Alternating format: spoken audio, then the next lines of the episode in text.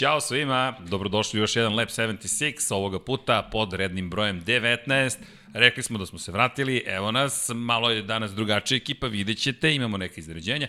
Najpred da pozdravimo dragog kolegu Aleksandra Đankića, trebalo da bude danas zajedno sa nama, biće tu gospodin Dejan Potkonjak, međutim, trebalo da nam budeš gost naredne nedelje, Đanki i meni. Đanki Baby je dobro, danas nije baš bio najbolje, ali ništa strašno, tako da ga očekujemo naredne nedelje. Svakog očekujte za vikend na sport klubu, ali moji dragi prijatelji, kolega, htio sam da posvetimo na emisiju tebi, možda ćemo to da uradimo drugačije, napravit ću jedan da. talk show. Nemo da se zacrveni. To, da, da, ne, ne, ne, ali ti si iskusan čovek, da, dakle, uh, za one koji eventualno ne znaju, mada verujem da ljubitelji automotosporta su svesni, inače danas emisija posvećena MotoGP-u, običali smo ove nedelje da ćemo imati dosta emisija, druga, dakle, Formula 1 smo juče završili, Deki, ja sam na Deki s obzirom Naravno, da se znamo da, mnogo, Srki, da, tako, da, mnogo da. dugo. Dakle, od, još od 95. Kada je počela moja karijera, ali tvoja traje duže od toga. Pa dobro, ne mnogo duže, ali ali tu smo negde, znači četvrt veka je tu. da, u svakom slučaju ispunjena, veka. ispunjena je kvota, tako da, da, da idemo dalje. Malo pre sam shvatio da zapravo i ti ja duže radimo nego što Vanja ima godina i da. bilo je šokantno iskustvo, govorimo o Vanji yes. koji je sada već iskusan, yes. dakle sada već sabira iskustvo. Samo kratko, ti si trenutno glavni odgovorni sports magazina, ali to je samo vrh ledenog brega. Pa jeste, to je neka davnostna želja bila, kao između osloge ovo što ti radiš, ovaj, pokrenuli smo priču, polako se zahuktava, naravno, na milion strana se radi kao i uvek. Tako da, kao i uvek. Da, da, jedna emisija je malo. Tako da, da, da, da, ali da. čekaj, to je, to je, nije prvi pokušaj, da, dakle, da, da, ovi će da, biti oni ispušni, zajedno ćemo jest, ga izgurati ako jest, treba. Jest. Tu smo da pomognemo, čitajte Sports Hvala. magazin, topla preporuka, dakle, zaista imate šta da pročitate da. o svim mogućim sportovima i nisi se držao samo automotosporta, dakle, baš si pa sve ne, pokrio. Pa ne, neki podnaslov je e, magazin za pobednike, znači pokušamo da pratimo sve one koji ulažu ogroman trud i napor, ne samo koji se ogleda kroz medalje i trofeje, nego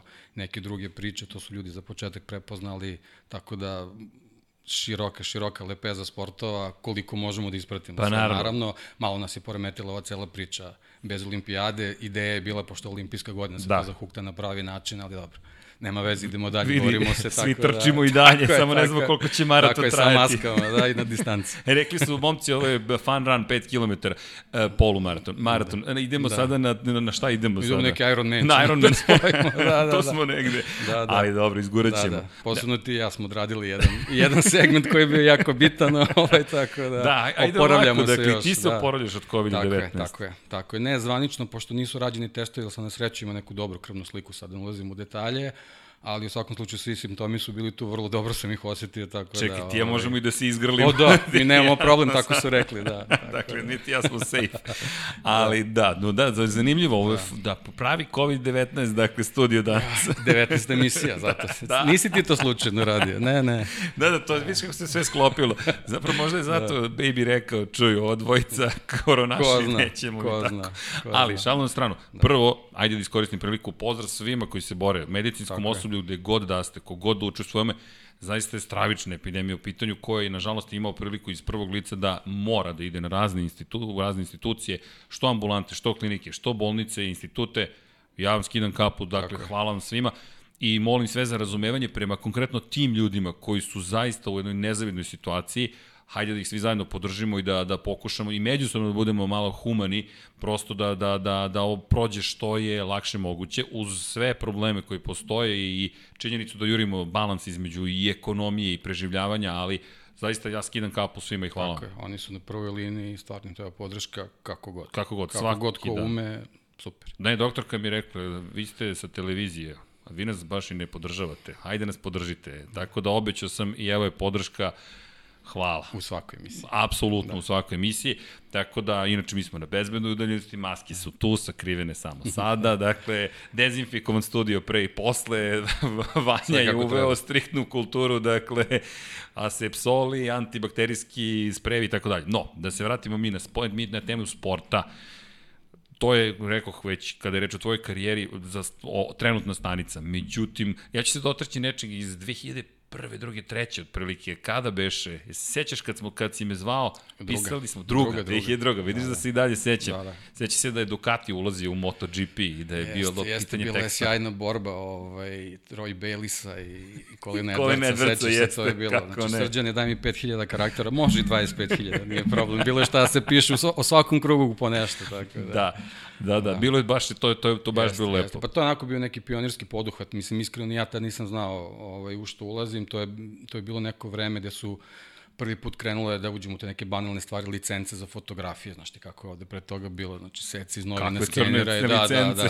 da, vrlo znači, malo toga. Ja sam se tada kreditovao i ti si već imao neke, neke ovaj, username i passworde za sajtove, pa kao neki copyright dole, pa ti nešto moraš da pišeš ispod slike, pa sad tu trebaš daš prelamaču da nuliču. Tako je. Kao šta je, ali, ali super. Mislim, mislim da je ovo ovaj, bilo odlično iskustvo. Možda je bilo malo prerano što se tiče automotosporta kod nas, ali poslužilo je za neke druge stvari koje smo kasnije razvili, tako da... E, svaka je, čast. Da, da, da. Vidi. Inače je Sprint magazin da, postoji sprint magazin. kao, kao Instagram profil za sad tu se već nešto krčka o, čekaj, i dešava, čekaj, tako da... Ovo je ekskluziva, da, da. dakle. dakle, da, zapratite Sprint da, magazin na Instagramu, okej. Okay. da imam čudan osjećaj da će mu češće spominjati. Se, ne, ne, ne. Pa čuj. Auto, moto, sport mora, mora da dobije zasluženo mesto imaš svoje mesto kad god nešto treba. Dakle, ovo je mesto, Super, studio na kraju univerzuma. Na umu, ne, ozbiljno. Kompletna ekipa. Dakle, sjajno. ti znaš da ćemo mi podržati sve. Vidi, ja te po defaultu uvek vezujem za automotosport. Da pa, da, zapravo da, da. ti si, pre nego što si ovo radio, bio si urednik. Dakle, vrlo ozbiljno jedne cele priče, ne samo magazina. Pa jeste, ja sam, mislim, moja karijera počela već na novostima, koji je bio ozbiljan medij neki 90. godina, mislim, to svi znamo, znači to su bili tiraži preko 350-400 hiljada primjeraka. A dnevno. Gde, tako je, gde ti radiš u sportskoj redakciji, onda dobijaš poslednju stranu s nekim tekstovima, nešto. Znaš, to je, to je stvarno bio ovaj, neka odlična stvar i tamo se priča završila sa uredništvom, bio sam glavni, glavni urednik sportske redakcije Jest. i kasnije glavni odgovorni urednik prvog automobilskog magazina koje je kompanija Novosti izdavala, tako da opet se tu sve nešto izmešalo, neki sport, Točkovi su tu uvek. Da, da, da. tako i onda naravno to iskustvo se kasnije prenosi dalje na, na, na ovaj, neki drugi segmenti, druge priče, ali u principu to je neka, neka super priča, nekih 15 godina je trajalo to sve, znaš, pa ono, putovanje, svetska prvenstva, evropska u raznim sportovima i naravno da automoto sport, to sad ne moram da spominjem. Da, ali automoto nekako je bilo... To je uvek bilo, jeste. jeste. Posem, jeste. makar te ja tako uvek doživljam. Da, da, da. Čekaj, radio si ti na Eurosportu, dakle, bio si i u ulozi komentatora. Pa jeste, da, ovaj, Eurosport kad je krenuo, mislim da je krenula tad priča, ovaj, generalno u Srbiji, je tako bilo, tako da, ovaj, na poziv tadašnje ekipe, ja mislim da su oni sada tamo pozdravljeni ovom prilikom sve, ovaj, radio sam, prenosio sam VRC, tada su bile one, one posebni magazin emisije koje smo svi naravno pratili su sjajno bili urađeni, odlična produkcija. Ovaj radio sam uh, prenose Indikara. Da. Tako to su to je bio taj neki početak, bila ekipa koja je radila, tad je bio Superbike, onda je krenuo MotoGP, tu si se ti pojavio, tako da tad je da. krenulo svašta da se da, događa. Da, svašta se priča. Da, da, da, da, ali to isto jedno jako lepo iskustvo za mene bilo, ja sam sad prvi put susreo sa sa tim načinom novinarstva, da, da, da tako nazovem, pošto to jeste, mislim, komentarisanje jeste jedan vid novinarstva, pošto stvarno možeš da raspolažeš sa mnogo podataka da bi, da bi preneo publici ono što, što zaista treba i ono što oni u tom trenutku možda da. ne mogu ni, ni da vide, toko da, on, to je bilo baš, baš sjajno. Zbog nekih mojih drugih obaveza, to je to malo kraće trajalo nego što sam ja planirao, ali je bilo odlično stvarno. Čekaj, nikad ne reci nikad. Nikad, nikad, nikad ne, ne reci da, nikad, da. dakle, ja, ko zna. Kome, kome pozne zna da ja ništa ne odbijam. Nema tako da ulazim, možda neko kaže grlom u jagode, ali ja volim da probam razne varijante. Čekaj, daj, da, daješ mi šlag, i nema da. odustajanja, šta god da ne, da se ne, dešava. Ne, tamo posle. Ok, tamo daješ posle. mi šlagvort, savršen tamo zapravo posle. za našu emisiju posvećenu Moto Grand Prix da. 2020. Imamo ovde, hvala za Repsol Kačkit. Dakle, ljudi, hvala svima. Dakle, ovo je još jedan poklon koji smo dobili Dakle, imamo, stalno spomen da pomenju, kacige, zastave, dresove, ja ne znam više šta sve nemamo. Šolja, tu nam je negde i Baba Vanga, SKF, jedan šolja, dakle, imamo, inače to na Twitteru, potpuno ludnica, ali, ali, da mi ne pobegne misao. Dakle, nema odustajanja šta god da se dešava. Tako Mislim je. da je to light motiv, makar za Marka Markeza, čoveka koji ima osam titula šampiona sveta, koji je prošle godine bio nezaustavljiv, da. koji započenje godinu padom, u prvoj trci jedno izletanje, pa pad, lom ruke, operacija, izlazak na stazu, pogoršanje situacije, nastavak rehabilitacije, nova operacija, posle dve trke, bez bodova, da, odmah ću reći Fabio Quartararo, nestvarno dobro, dve pobede, ali Kada da, pričamo... ako pomislite da se Marquez predao... Ne, to, to, to, to je upravo to. dakle, dva, dve stvari, dakle, ali cela godina je tako u nekom, u, u, u, u, moram reći, u polarizaciji. Nula jedinica. Ako ne izađeš na stazu, svaki poen je duplo veći ove godine. Ako izađeš, rizikuješ da ti se pogorša stanje. A opet istovremeno, aha, sada je situacija još dramatičnija, da li misliš da će Marquez sada da odustane i da, i ako da. izgubi pet trka, da kaže sve je gotovo? Pa nekako je ta psihološka situacija bila ovaj, na početku jako čudna, naravno sećaš se pre samo eto, nekoliko nedelja, svi smo mislili da nema ništa od sezone, bilo koje, da samo završeno. MotoGP-a da je sve gotovo i onda odjednom kreneš sa, sa nekom sa nekim trkama gde momci stvarno to i verovatno i pomisle, znači ovde nema, nema mogućnosti da, da kiksneš.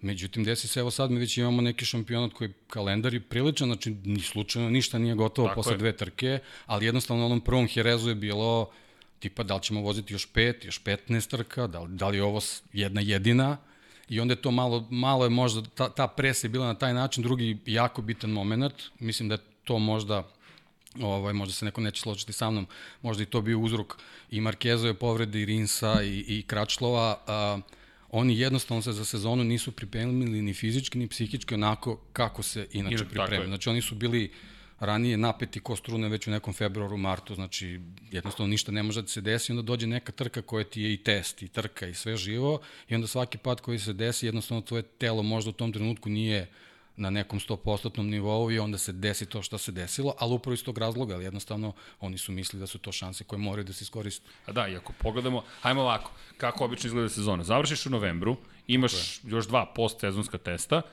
skoro decembar već započinje kada odrađuješ poslednji test. Generalno u Herezu, s obzirom na činjenicu da su temperature tada vrlo prijatne i dalje, Tako. kao što smo videli sada su to tropske. To je moment o kojem ćemo pričati, jako važan moment ova dva Hereza. Tako je, i, da, i, i sad da. dolazimo do januar, januar ne smete ništa da radite, da. odmarate, oporavak takođe tijela, redovno spavanje je deo procesa i razvoja Tako i jačanja. I jako, jako bitan deo procesa. Tako je, evo ti ja znamo. Pa ne, da, znaš kako, reset je potreban. Znači ti momci koji su 11 meseci u sedlu, Konstant. jednostavno moraju da, da se bave nečim drugim mesec dana da bi ponovo stekli želju da, da sednu na, na, na taj motocikl. I, izvini, dobio sam komentar juče, inače pozdrav svima, dakle hvala i na lepim rečima i na podršci i na kritikama i na idejama. Dakle, Browns Bosna poručuje izgledam bolje nego pre 2-3 meseca. da, to je zato što sam spavao najzad. Ali spavajte, taj moment spavanja je mnogo, veoma važan. I isto važi za Moto Grand Prix. Odmore i onda kreće februar. Odlaziš u Maleziju krećeš sa prvim testovima, pa onda imaš Maleziju 2, novi testovi, pa onda ideš u Katar, spremaš se, ponovo testiraš i što je najbolje od svega, testiraš na stazi koju ćeš posetiti 7 dana Tako kasnije. Tako je, pritom to su ozbiljne fizičke pripreme zbog promene kontinenta, podneblja, svega. Znači oni, naravno mi ih pratimo ovaj, šta rade na stazi, ali oni vrlo, vrlo ozbiljne fizičke pripreme imaju koje se dešavaju na nekim drugim podnebljima, što se generalno svim drugim sportovima radi. Ovo sada je bila neka situacija da ti tipa sediš kod kuće 15 dana pre pre Jereza oni su možda vozili neki bicikl u sobi mislim sad ja uh, parafraziram i banalizujem tu je negde. mislim imali su oni neke fizičke pripreme znaš drugačije kad ti, ti se u glavi spremaš sa nekim pa. ciljem a drugačije kad radiš neke stvari gde ti uopšte nisi siguran kad će, kad će se pojaviti datum kad to trebaš da realizuješ. Izvini, dotakao si jedne sjajne teme. Dakle, kada govorimo o fizičkim pripremama, evo, Niko Hulkenberg koji je u prethodnoj treci trebalo da menja Serhije Pereza, ne postoji vežba za vrat. Ne postoji vežba za vrat koja može da vas izloži silama koje Tako. će vas izložiti jedan Silverstone. Gde mi smo gledali u kvalifikacijama preko pet sila bočnog ubrzanja imaš da. u krivinama. Ne jednoj. Dakle, to je svaki put kada prođeš kroz Megots, Beckett, Čepel, Evo samo ću vam reći jednu anegdotu, da. izvini sad, pošto ne, spomenuo Silverstone, pa se sad malo prebacujemo, nije direktno vezano za MotoGP, ali je generalno vezano za tu fizičku Tako pripremu. Uh, 2006. sam radio intervju sa Nilsinjom Pikeom, uh, na Hungaru Ringu, on je baš tad pobedio obe trke, sećam se, Lewis Hamilton nije vozio, pošto se slupao na treningu u četvrtak, upropastio je bolid i nije mogao da vozi dve trke, a to je baš bio ključan period kad se ovaj odlučivala titula. Borili su se Nelsinho, Hamilton i Rosberg za titulu te godine. A pričamo ovaj, samo, samo da, da se zna, o Grand Prix 2. GP2, tako, tako je, GP2 šampionat, ta, to, to je već bio onaj period kad me uh, Ron Dennis zabranio da daje izjave za medije i tako dalje. Ja sam uhvatio Nelsinju u nekom tamo šatoru gde su oni neki catering imali, onako, dao je intervju, sve okej, okay, ali meni je jako važno pitanje bilo, pošto on par nedelja pre toga testirao uh, bolid Formula 1. Ne mogu sad sad se setim, nemoj da me držite za reč, mislim da je bio Renault Alonso, čini mi se, ovaj, pošto je 2006. u pitanju bila, pretpostavljam da je to, znači vjerojatno je 2005. Postoji veza i kasnije. Da, da, no. pa kapiram, pošto je njemu je Briatore bio naravno menadžer, da je to sve završio, mislim da je bolid bio iz 2005. ali to u tom trenutku stvarno razlika u snazi minimalna bila.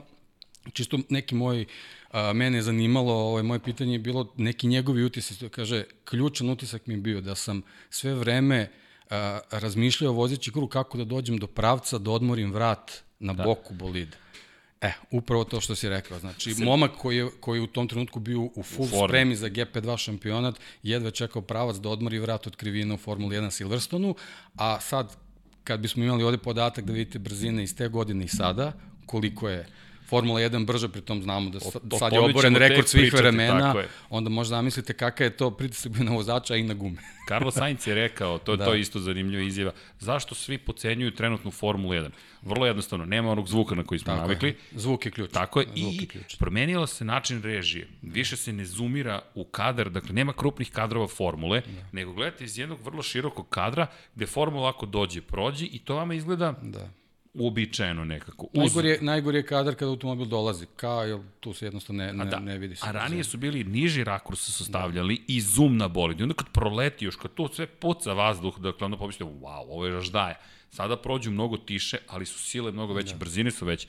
U svakom slučaju, ta fizička priprema, ta ne postoji trening. Dakle, gledate u teretani kako vrat, kako glavom vuku tegove, sticamo okolnosti. Vuku tegove ili sad, sad imaju ovaj, neku vežbu koja onako da kažem više preručna s obzirom da imaju ovaj, Hans da. a, priključak na, na kacigama, oni zakače tegove za, za to, pa sa kacigom to radi čisto da bi se privikli na, na težinu kacige. Naravno, sad, sam, sad je opet to neka, neka banalizovana priča, ali jednostavno, ali, to što si rekao, ni moraju nekako da se priviknu na to, a to je nemoguće. Nemoguće izvesti. misija. A sad zamisli motocikl. Da. da. A, ovde smo, ajde da se i pohvalimo. Evo ga naš televizor, dakle, na kojem smo imali Maverika Vinjalesa koji sedi kod kući daje nama intervju od 25 minuta. Ajde, ajmo realno, kada dobiješ 25 minuta sa tokom svetskim šampionom?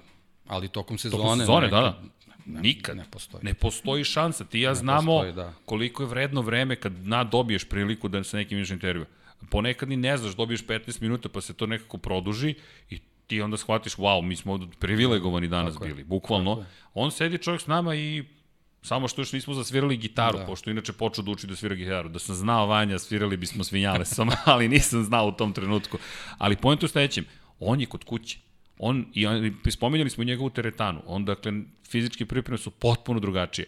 Vožnja motora je došla tek par nedelja pre nego što su i to su vozili ili superbajkove da. ili motocross. Andredović je pao, polomio da. ključnu kost. Marquez pritom vozio, to je zanimljivo, u krugu desno je vozio motocross, dakle kako bi se pripremio bolje za staze koji idu u desno, u cilju da, da bude nepobediv svugde, ali to nije to. E sad, kažu vozači, ne, ne, ne, to sigurno nije uticalo na nas. Međutim, imam, delim tvoju da, pa, dozu ja skepse. mislim u nekom procentu, ne kažem ja sada da je to ovaj, vidi jedini razlog koji je bio, ali u nekom procentu video, video si kakvi su bili padovi Svi na, na testiranjima, na, na kvalifikacijama. I napeti i nervozni. Tako je. A, pri čemu Rins imao i peh taj da je pokušao da izbegne Millera, ali se slažem s tobom, mislim da je bila, da je atmosfera bila vrlo yes. zategnuta yes. u samoj trci. Yes. I onda se dešava u Markezu, delimično nesrećni slučaj. momena da ne zaboravimo ta temperatura u Herezu. Znači oni u ovom periodu godine na Herezu nikad Tope nisu. Tope se gume. Da. 60 stepeni, da. preko 60 stepeni je potvrđena temperatura asfalta.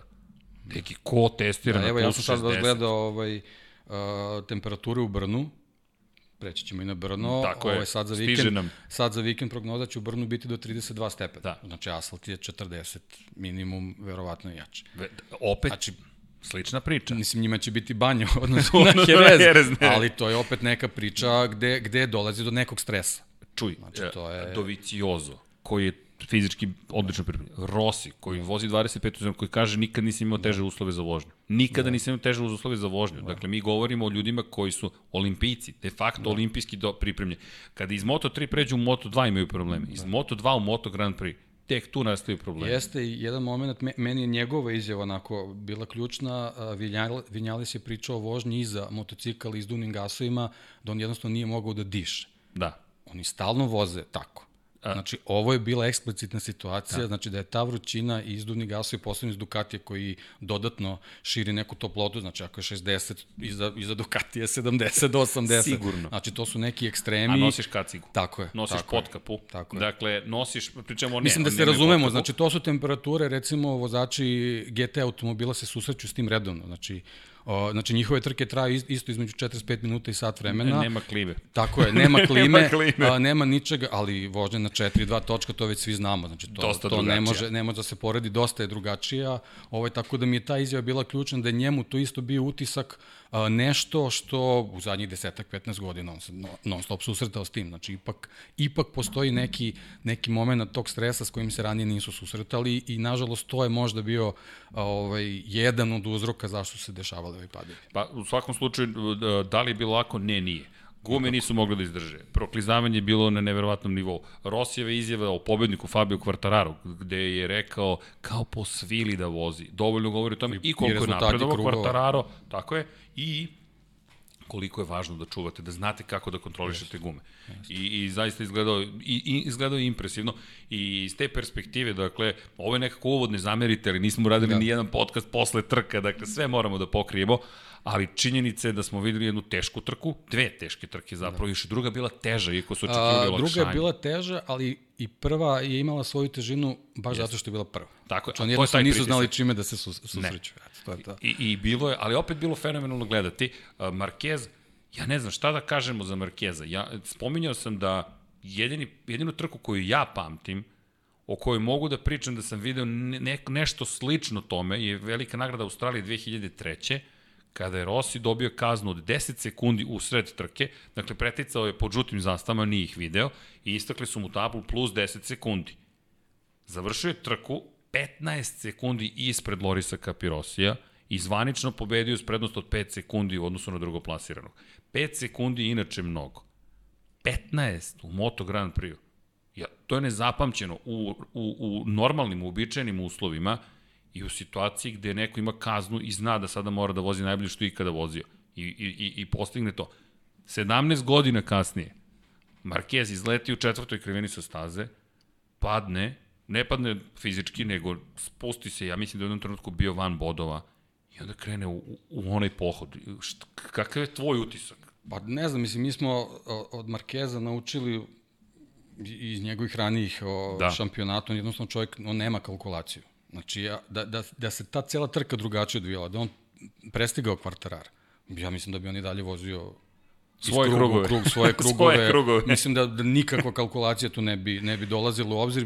Mislim, jednostavno, navikli smo ovaj, od njega ta, takve stvari. E sad, uh, kažem, čitav taj splet okolnosti možda doveo do, do, do toga da, da se desi ovaj, taj pad, o, o drugom padu pričam. Da, o drugom, naravno. Naravno, da, da njega nije bilo, mislim, sigurni smo da, da bi došao do neke pozicije koja možda ga ne bi zadovoljila, ali bi jednostavno zbog cele te situacije bila potpuno prihvatljiva. 20 poena u tom trenutku, ako pogledamo. Ekipa bi prihvatila, on, on ne verujem da bi, ali, ovaj, ali ja znamo ga jednostavno, to je njegova Tako priroda je. i tu, mislim, ne verujem da bilo koji razgovor i tu mogu da, da pomognu ne. između oslog samim tim što je krenuo da proba da učestvuje na sledećoj trci, mislim, pa, dovoljno govori. Evo, gledam upravo, dovoljno dakle, govori. i krugove i, i, i kada pogledamo prošlogodišnji šampionat, dakle, jedna trka nije bila završena u Ostinu, kada je imao ogromnu prednost, Da. I kada je mogao da kontroliše stvari, opet nije završio. Nego je hteo da izdominira u tom trenutku. Ja sam svima stavio za njega kraj, nemoj uopšte da razmišljate o tituli.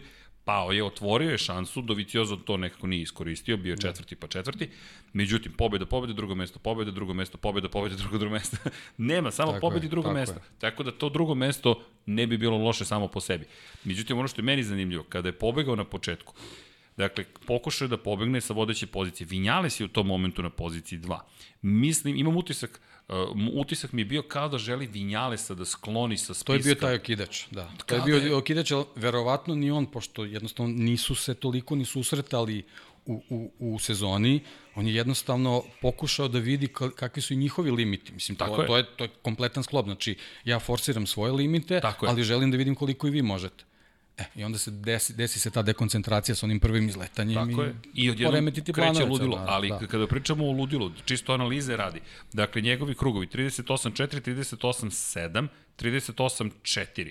E, čisto poređenja radi. Dakle, sada govorimo o, o vodećima. Prebacit ću se na Kvartarara koji je pobedio.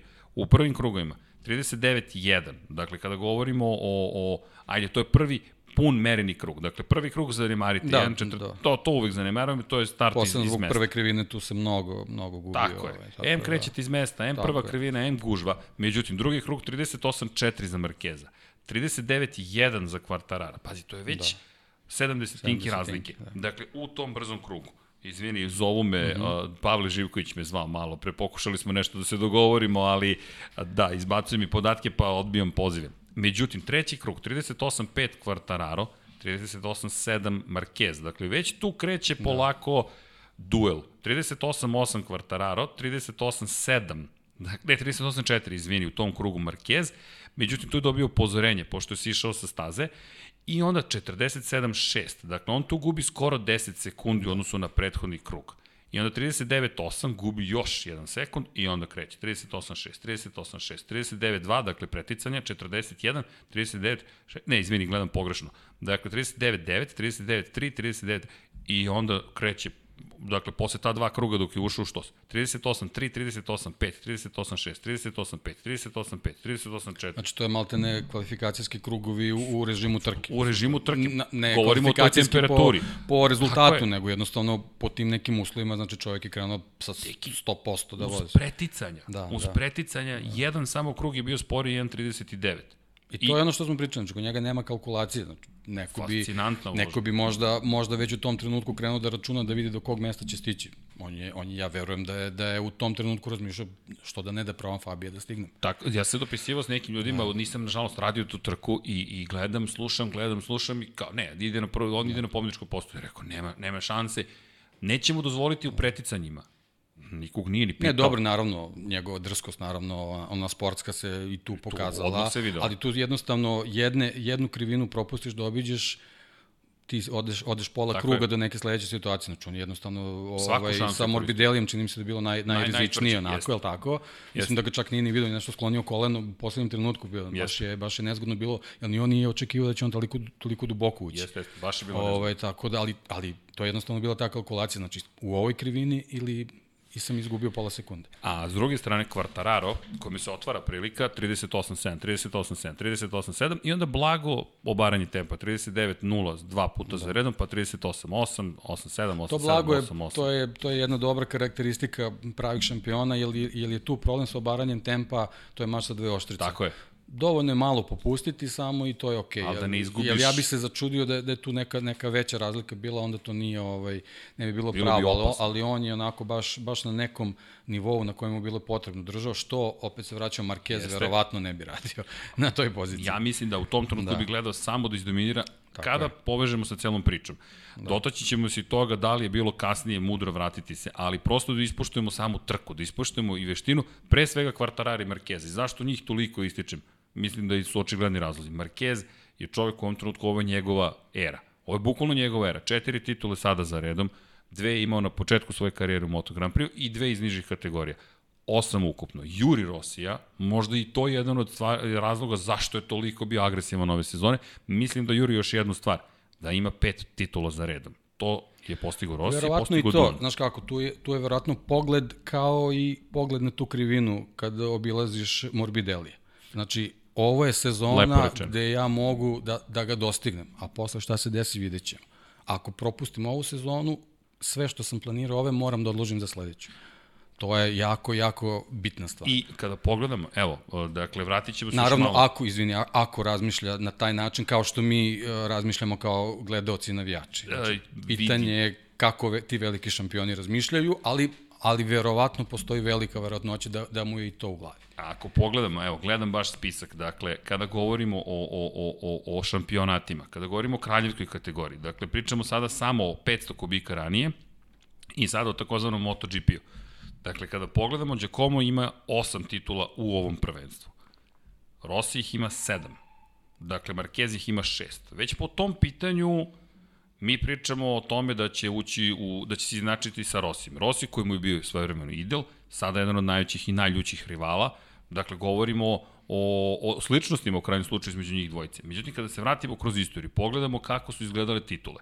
Giacomo Agostini jedini koji je uspešniji od njih dvojice po broju uzastopnih od 66. pa 7. 8. 9. 70. 71. 72. i onda Phil Reed ga tek zaustavlja. Čuveni isto Phil Reed, Tako, legenda ovog sporta. Da. Dakle, Marquez ima šansu da dođe do pete. Onda se otvara prilika šesta, sedma, da velikog aga čak sustigne. Dakle, ja mislim da tu sada već nije samo pitanje Rosija, već pitanje naj, naj, najboljeg svih vremena. I mislim da je to i tekako uticalo na njegov pokušaj da se vrati na stazu. To pritom pre početka te prve trke, možda i razmišljanje, znači Jerez je moja staza, imam dve trke jedna za drugom, odlazim u Brno s 50 bodova.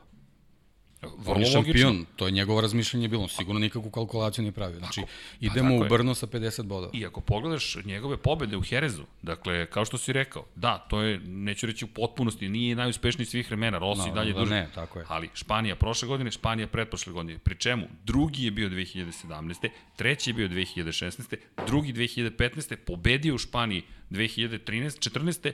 i 2013. je bio drugi. Dakle, ako nije njegova staza, svakako u najgorem slučaju će biti na poziciji broj 3. Dakle, to je najgori plasman do sada. I to su te dve trke. Dakle, ako kažemo na osnovu današnje forme da su dva puta dve druge pozicije, to je 40 bodova. U najgorem slučaju. A i tu mislim da si ti 100% pravo da, da to nije zadovoljstvo. Ne, ne, ne, ne. Ovo je početak sezone. Meni što je, izvini, fascinantno, mm -hmm. vratit ću se na Kvartarara, mislim da je veoma važno pričati o, o, o Fabio Kvartararu. Dve pobjede na početku sezone da ne osvoji titulu posle toga, mislim da će ući u istoriju kao neko ko je propustio najveću priliku možda. Dakle, kada govorimo o tome, možemo da se vratimo na 2017. čak kada, čak kada pričamo o, o početku godine zapravo za, za Maverika Vinjalesa. Jer ponekad to zaboravimo, ali Vinjales je te sezone stigao, zabeležio dve pobede i nije osvojio titulu. Dakle, to je redka stvar. To često spominjemo, taj početak da, godine. Da, veliko iznenađenje bilo stvarno, onako prijatno, naravno. Bilo je sjajno. Bilo je dve pobjede, čekaj, stigu si u fabričku Yamahu i onda kreće onaj pad čuveni, pa šesti, da. pa pobjeda. I sad gledamo, dakle, iz te perspektive, Quartararo, opet je Maha, ali mislim da je Quartararo drugačiji od Usuna Vinjasa. Ali, ali izvini, pre nego što mi pogledam, samo se vrati na jednu stvar. 2006. godina, posle pet titula za redom Valentina Rosija, svi su govorili nepobediv neće ga niko zaustaviti, nemoguće ga zaustaviti, ništa ne može da ga zaustavi. Ovaj čovjek ide do sve rekorda svih vremena, još uvijek ih nije dostegao. 2006. počinje tako što u Herezu Toni Elias uleće u Valentina Rosija u prvoj krivini, koju često da, spominješ da, da. s razlogom. 14. je na kraju bio Rossi. Izleteo sa staze, vratio se na pistu i bio 14. svoje dva boda. Na kraju godine pet je nedostajalo. Toni Elias ga je pobedio u Portugaliji, i u onoj čuvenoj bici 2000 tinki su ih delili na kraju, nekako nije došao do titula. Ali šta je meni tu fascinantno? 27 punih godina je tad imao Rossi. Danas 27 punih godina ima Mark Marquez. Počinje sezona prvi put od te 2006. u Herezu i završava se loše po Markeza, o kome se u tom momentu priča da je nezaustavljiv i da ga niko nikad neće pobediti. Ljudi, nikad ne znate šta će se desiti. Daleko od toga da, da, da i kod nas predvideo povredu. Samo sam, ono što sam rekao prošle godine, ljudi, to ništa ne znači. Nijedan veliki Rossi nije mogao da bude nepobediv. Ni veliki Marquez ne znači da može da bude nepobediv, ali Rossi je te godine uspeo na predposlednjoj trci sezone da dođe do vođstva u šampionatu. Tako da sezona ne da, da nije gotova, nego misle će biti još luđe. Daleko od toga da, da nije gotovo, jedino sad upravo to što si rekao, pa eto možda da, da prokomentarišemo to. Marquez ima 27 godina. Da. Naravno, on je mladić, Mlad, dečko u punoj snazi, jest. ali on je za jednog motociklistu mnogo toga prešao. Znači, vrlo dobro znamo, on ima karijere pošaljenu sa 13-14 godina, znači on je pola svog života na vrhunskim motociklima, Jeste. a u zadnjih 6-7 sezona u nekom timu gde je 24 sata postoji pritisak Tako je. koji on nametnuo, da se razumemo, znači niko, niko njega ne pravi mašinu, znači on je taj koji želi i ima ambiciju da to radi. E sad, njegov veliki neprijatelj, on možda nema rivale na stazi u ovom trenutku, možda na nekom njegovom nivou, ali njegovi veliki neprijatelji postaju te povrede. Znači on sad već posle sam, ove povrede, sam, ja se iskreno nadam da će se vratiti, da će biti 100% fit naravno, jer, jer jednostavno želim da vidim i, i u takvoj jel, situaciji šta će, naravno, jedno čekam naravno. da se vrati da vidim ovaj, Quartararo Marquez tako je, sada. Tako je, ovaj, ali e, ja se plašim da on ne sme sebi da priušti, ne daj Bože, nešto tako slično. Pritom, mi ne pričamo, to je isto jedan poseban segment, uh, motociklisti su ljudi u nekom svom svetu, mislim ti si ih i prozvao vanzemaljcima i sve je to okej, okay. ali povrede zgloba, prsta, ispadanje ramena što smo gledali, to je nešto Ostavlja posledice. Ostavlja posledice, ali to je nešto što oni uh, prevaziću tako što se izbandažiraju i sednu posle dva dana i voze. Ova povreda nije to. Tako je. Plašim se da je nisu možda tretirali na dobar način i zbog te cele njegove želje da se pojavi na drugom Herezu imamo sada ovu Ali situaciju da li bi ti mogao, ajmo ovako, ti si šef ekipe i dolazi ti čovek koji, evo, baš sad gledam opet, spominješ godine, evo, samo jedna stvar, 2008. godine u Portugaliji je debitovao. Zašto? Zato što je tada napunio 15 godina. I imao je pravo da zapravo učestvuje u svetskom šampionatu u, u, u, u motociklizmu. Već u Doningtonu, dakle govorimo o njegovoj šestoj trci u karijeri, on je bio na pobjedničkom postolju. To je 2008. Sledeće godine još uvek bez pobjede. To je pred 12 godina. 12 godina. Ja ga se sećam, Scott Redding stoji na pobedničkom postolju, Mike Dimelio i Mark Marquez. Najmlađe pobedničko postolje svih vremena. Scott Redding koji je pobedio pred domaćom pol... Neka deca, ma kako crno brijanje, su deca. Da. I oni stoje na tom pobedničkom postolju i mi govorimo, to je budućnost. Sledeće godine bez pobede i onda kreće ta čuvena era Marka Markeza. Od 2010. osam titula. 10. 12. 13. 14. 16. 17. Znači, 18. u 10 sezona, to jest 8 od 10, da. ti si u nekom trenutku, recimo da kažemo na polovini sezone, a, pod ozbiljnim, ozbiljnom psihološkom presijom da. da ostvariš svoj plan koji je titula. Tako je. A, a u tih 10 godina, da kažeš, ajde, nek, nek budi ti 8, pratiti te neke povrede, i vrlo dobro znamo, znači njegov, njegovo baš onako osetljiva ovaj, strana su ta ramena. 2011. Se sećaš još toga u Maleziji, a tad je vidu malo nije ostao bez vida. Tako je. Da, greška redara, nije do njega. Nisu istakli zastavu belu sa crvenim krstom koja označava da je kiša. Nažalost, to se, to se dešava. Dešava se, izleteo Bradley Smith ispred njega i onda on naleće na motociklu Bradley Smitha. On nije video kako treba do februara sledeće godine. Da. Mi smo se pitali da će nastaviti i kao što si rekao, ramena koja su postala sada ozbiljna slabost. I sad sa svim tim saznanjem, sa svom tom istorijom, neki konzilijum, da li su lekari, da li, da li njegova ekipa, otac, on, oni odluče da on proba da, da vozi ovaj, kvalifikaciju, to je da proba da, da se proba kvalifikuje da se, za drugu da trku, gde trku. on dolazi, gde je ruka vidno otečena, mislim, ja ne znam kako on ju uvuka u kombinezon. Znači. Ali, ali, ali pre, pre toga, ruka deluje drugačije. Posle vožnje, i to da. smo baš imali neku diskusiju, pozdrav svima i za kreativne diskusije i za razmimilaženje mišljenjima, e, je postavilo se pitanje, zvanično saopštenje, kada je operisan sada ponovo, pre dva dana, e, zapravo, da li je to posledica vožnje u Herezu ili njegovih treninga. Videli smo u teretani da, da sedi i da vežba ruku.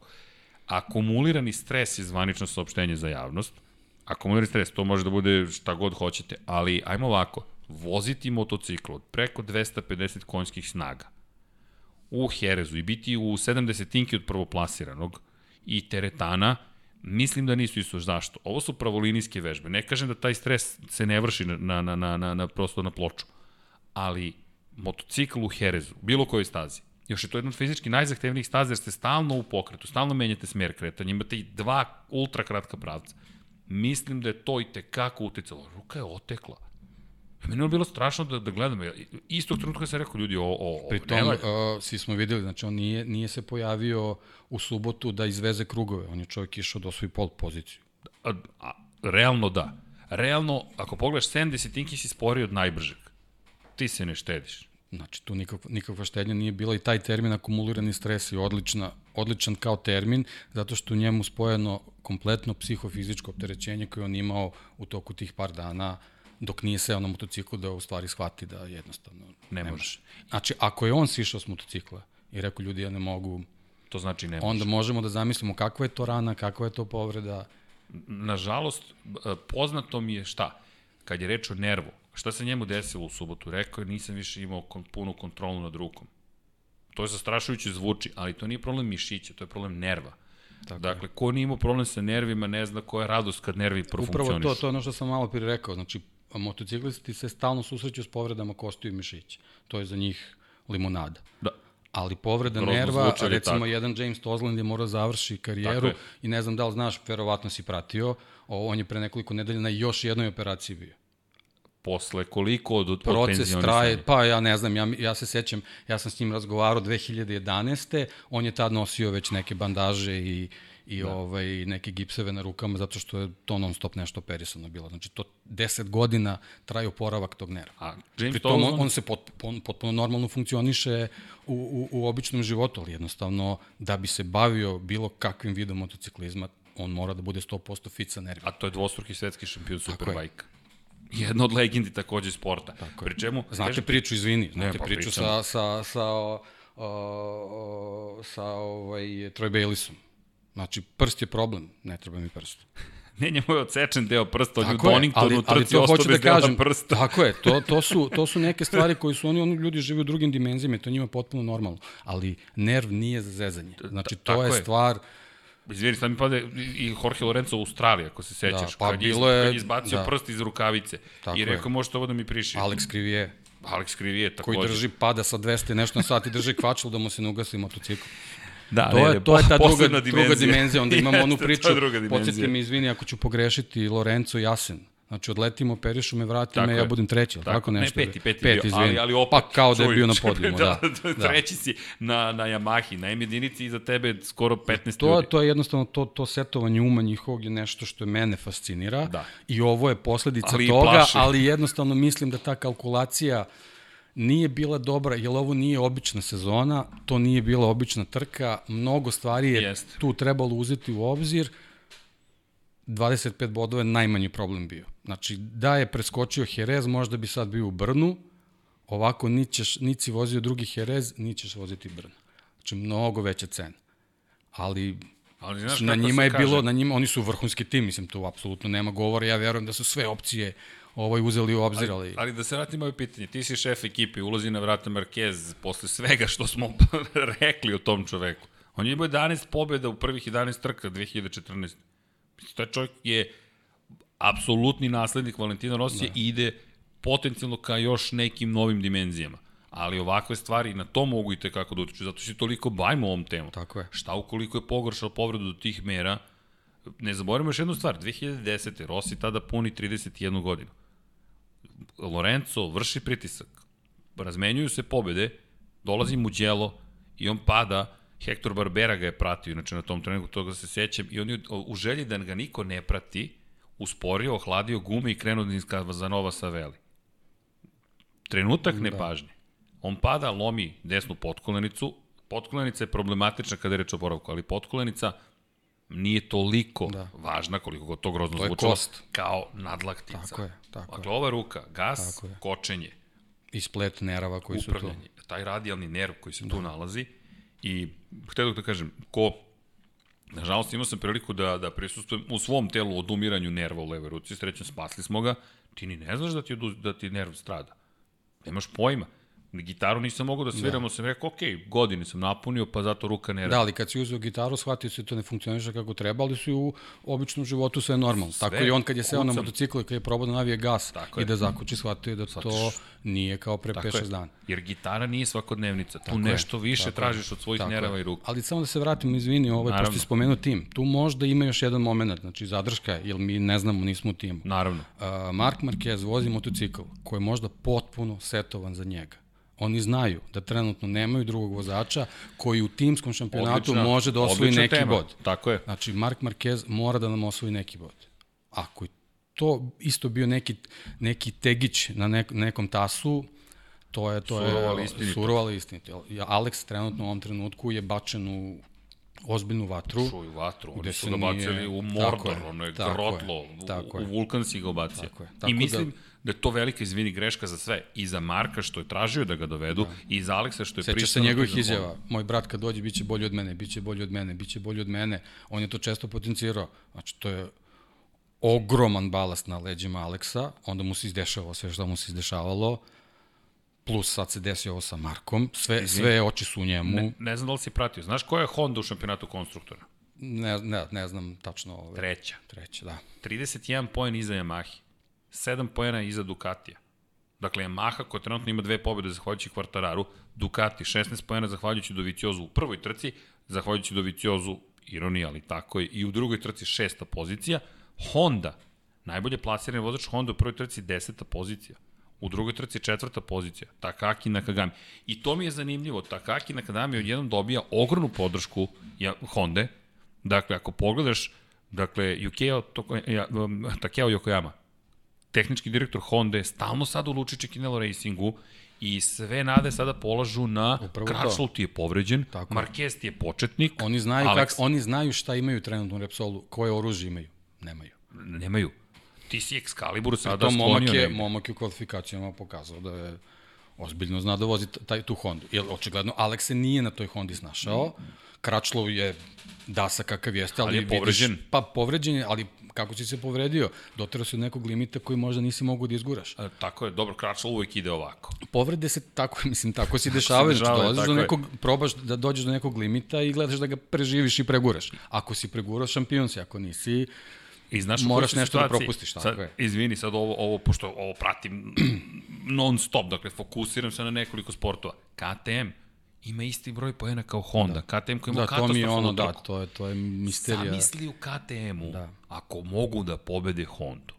Ja mislim da Pete Byrer, da. Mike Leitner i ostatak kompanije sedi trenutno za nekim stolom i govori, ljudi, nema više sramote iz druge trke koju smo imali, svi ćete da osvojite najviše pojena što možete, jer ako možemo da budemo ispred Honda u šampionatu konstruktora, ne bonus, spomenik, jer da. vidi, koliko god ti znaš vrlo dobro, koliko god da se gledaju drugi, Honda je tako da se gleda u MotoGP-u, a KTM je sa Hondom ne baš u da. prijateljskim da, odnosima. Da, da. Tako da ima tu raznih priča. To je taj moment... Što vraća na to ovo što si rekao. To je taj moment ove sezone. Uh, niko od njih nema šta da izgubi osim Honda. I ulaze u sezonu gde tebi već od prvog dana a, prve trke u Herezu, kakve nešto nije kako treba, nešto su mnogo blizu svi.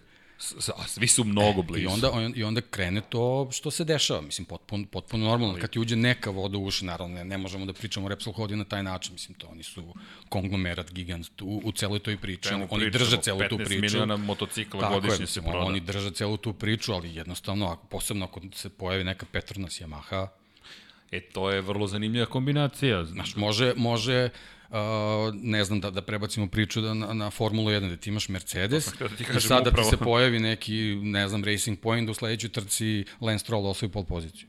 I pobedite. To je, to je onako... Nije baš prihvatljivo. Da, pa zašto Honda? Sad si dotako temu koja je fenomenalna. 2006. smo poslednji put videli konkurentan, 2007. su još vozili. Kenny Roberts. Dakle, za sve koji eventualno ne znaju, pročitajte malo o istoriji Kenny Robertsa zašto. Taj čovek uživa poseban poseban status u, u svetskom šampionatu. Dakle, dan danas, Kenny Roberts, stari, da Kralj. ušeta, kra, kapsu, King Kenny. King Evo, Kenny. ja se opet naježio. On da pokuci, to je to, na vrata Dorne. I kaže, meni nešto treba. I, ali to nije, da. to nije šala, mi ne preveličavamo. Svi će ustati, Carmelo Espeleta će prvi dodati i kaže šta treba. Honda... Hoćeš da sedneš na moje mesto? Tako je. Honda za koju nije vozio Kenny Roberts, vozio je za Yamahu i osvojio da. tri titule u svoje prve tri sezone. 78, 79, 80 su njegove godine. On je otišao u Hondu početkom 2000-ih, koja nikad nije htela da da svoje motore, da ne bi se desilo da konstruktor neki privatni napravi bolju šasiju i pobedi s Hondinim motorom.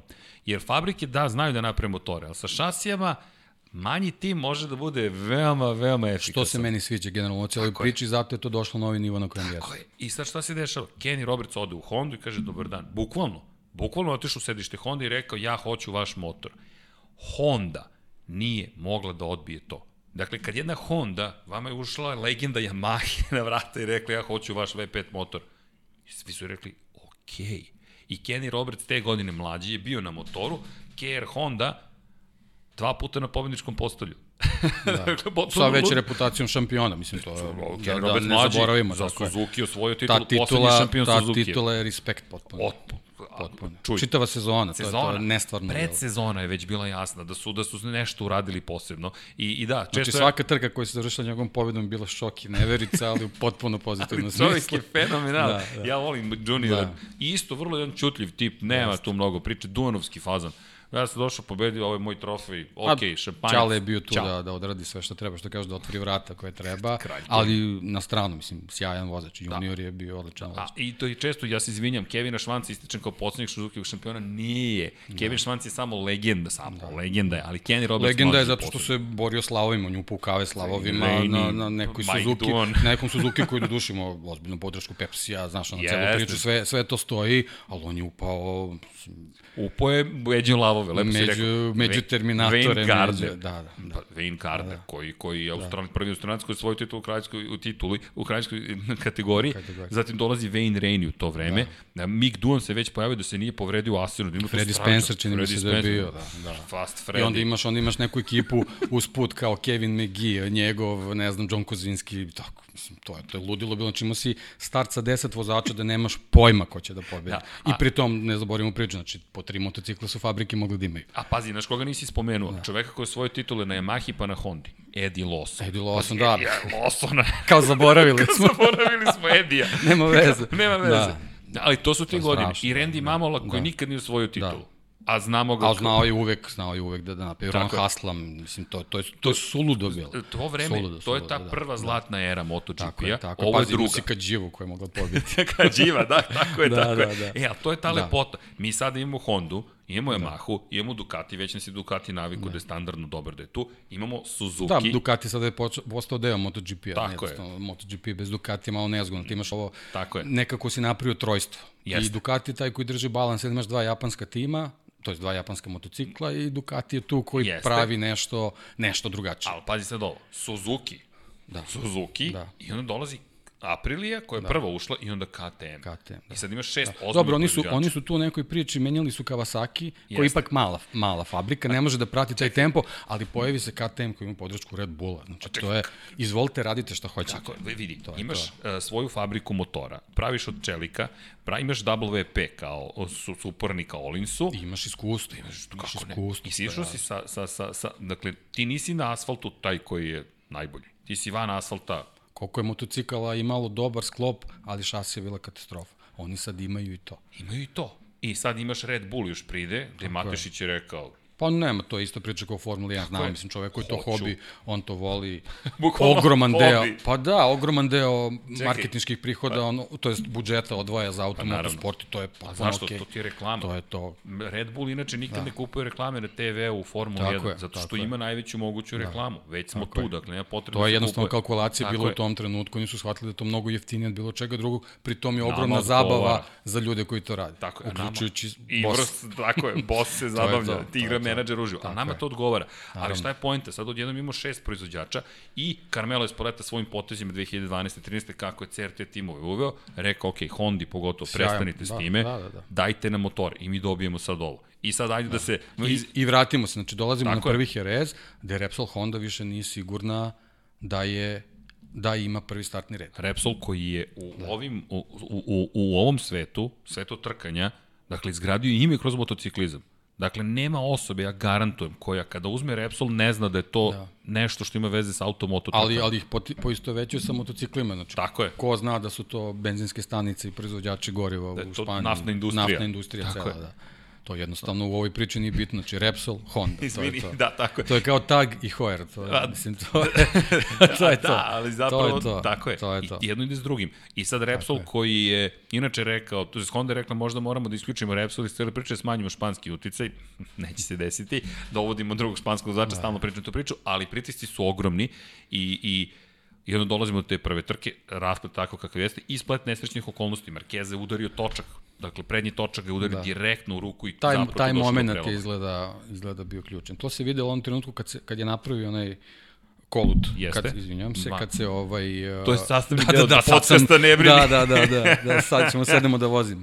Ovaj, kad, je, kad je napravio taj Kolut da, da bi se pridigao, videlo se da ta, ta ruka, on jednostavno nije, nije napravio prirodan pokret. Čulo Ko može da pogleda, urla. neka vidi, da. Čulo se kako urla, da. zašto? Da, delo sam... da, da je besan uh, zbog padu, stvari on je bio besan, on je osetio Polovi. koliko to nije u redu. Ali, ali evo sad šta ti je dramatičnost toga što nema publike. Obično ne čuješ zato što je, je publika šteta, tu. Jest. A sad je sve je, prazno, da. odjekuje, da. odjekuje tišina. Da.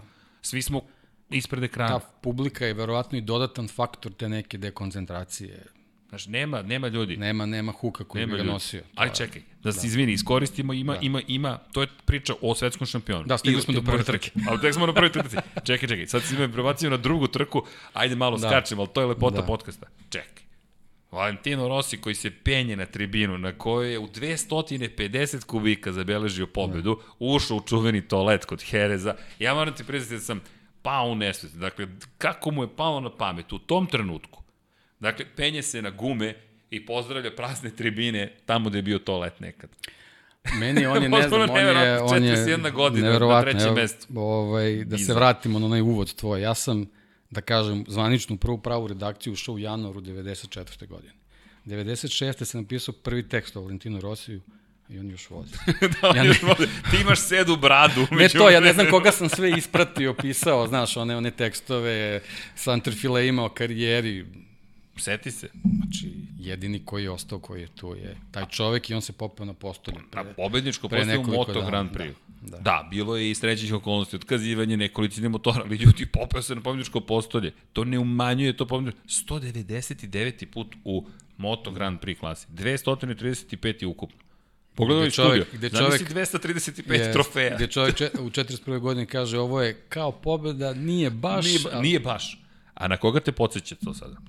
Na čoveka od koga smo počeli, na Marka Markeza, toliko su da. slični da je to nestvarno. To je, to je ta, ta odlika o kojoj pričamo, znači tu jednostavno nema, nema kalkulacije, nema naravno kod Rosija sad već postoji, ali niko, on je pre 10 godina treba da završi karijeru, da se razumemo. On će sledeće godine ljudi voziti. Da, i, Vidi, on je već i sad i potvrdio, da, potpisujem za Petronas i... Pa ne, evo vidim kroz izjave svi provlače da je, da je, je on tu, to je to.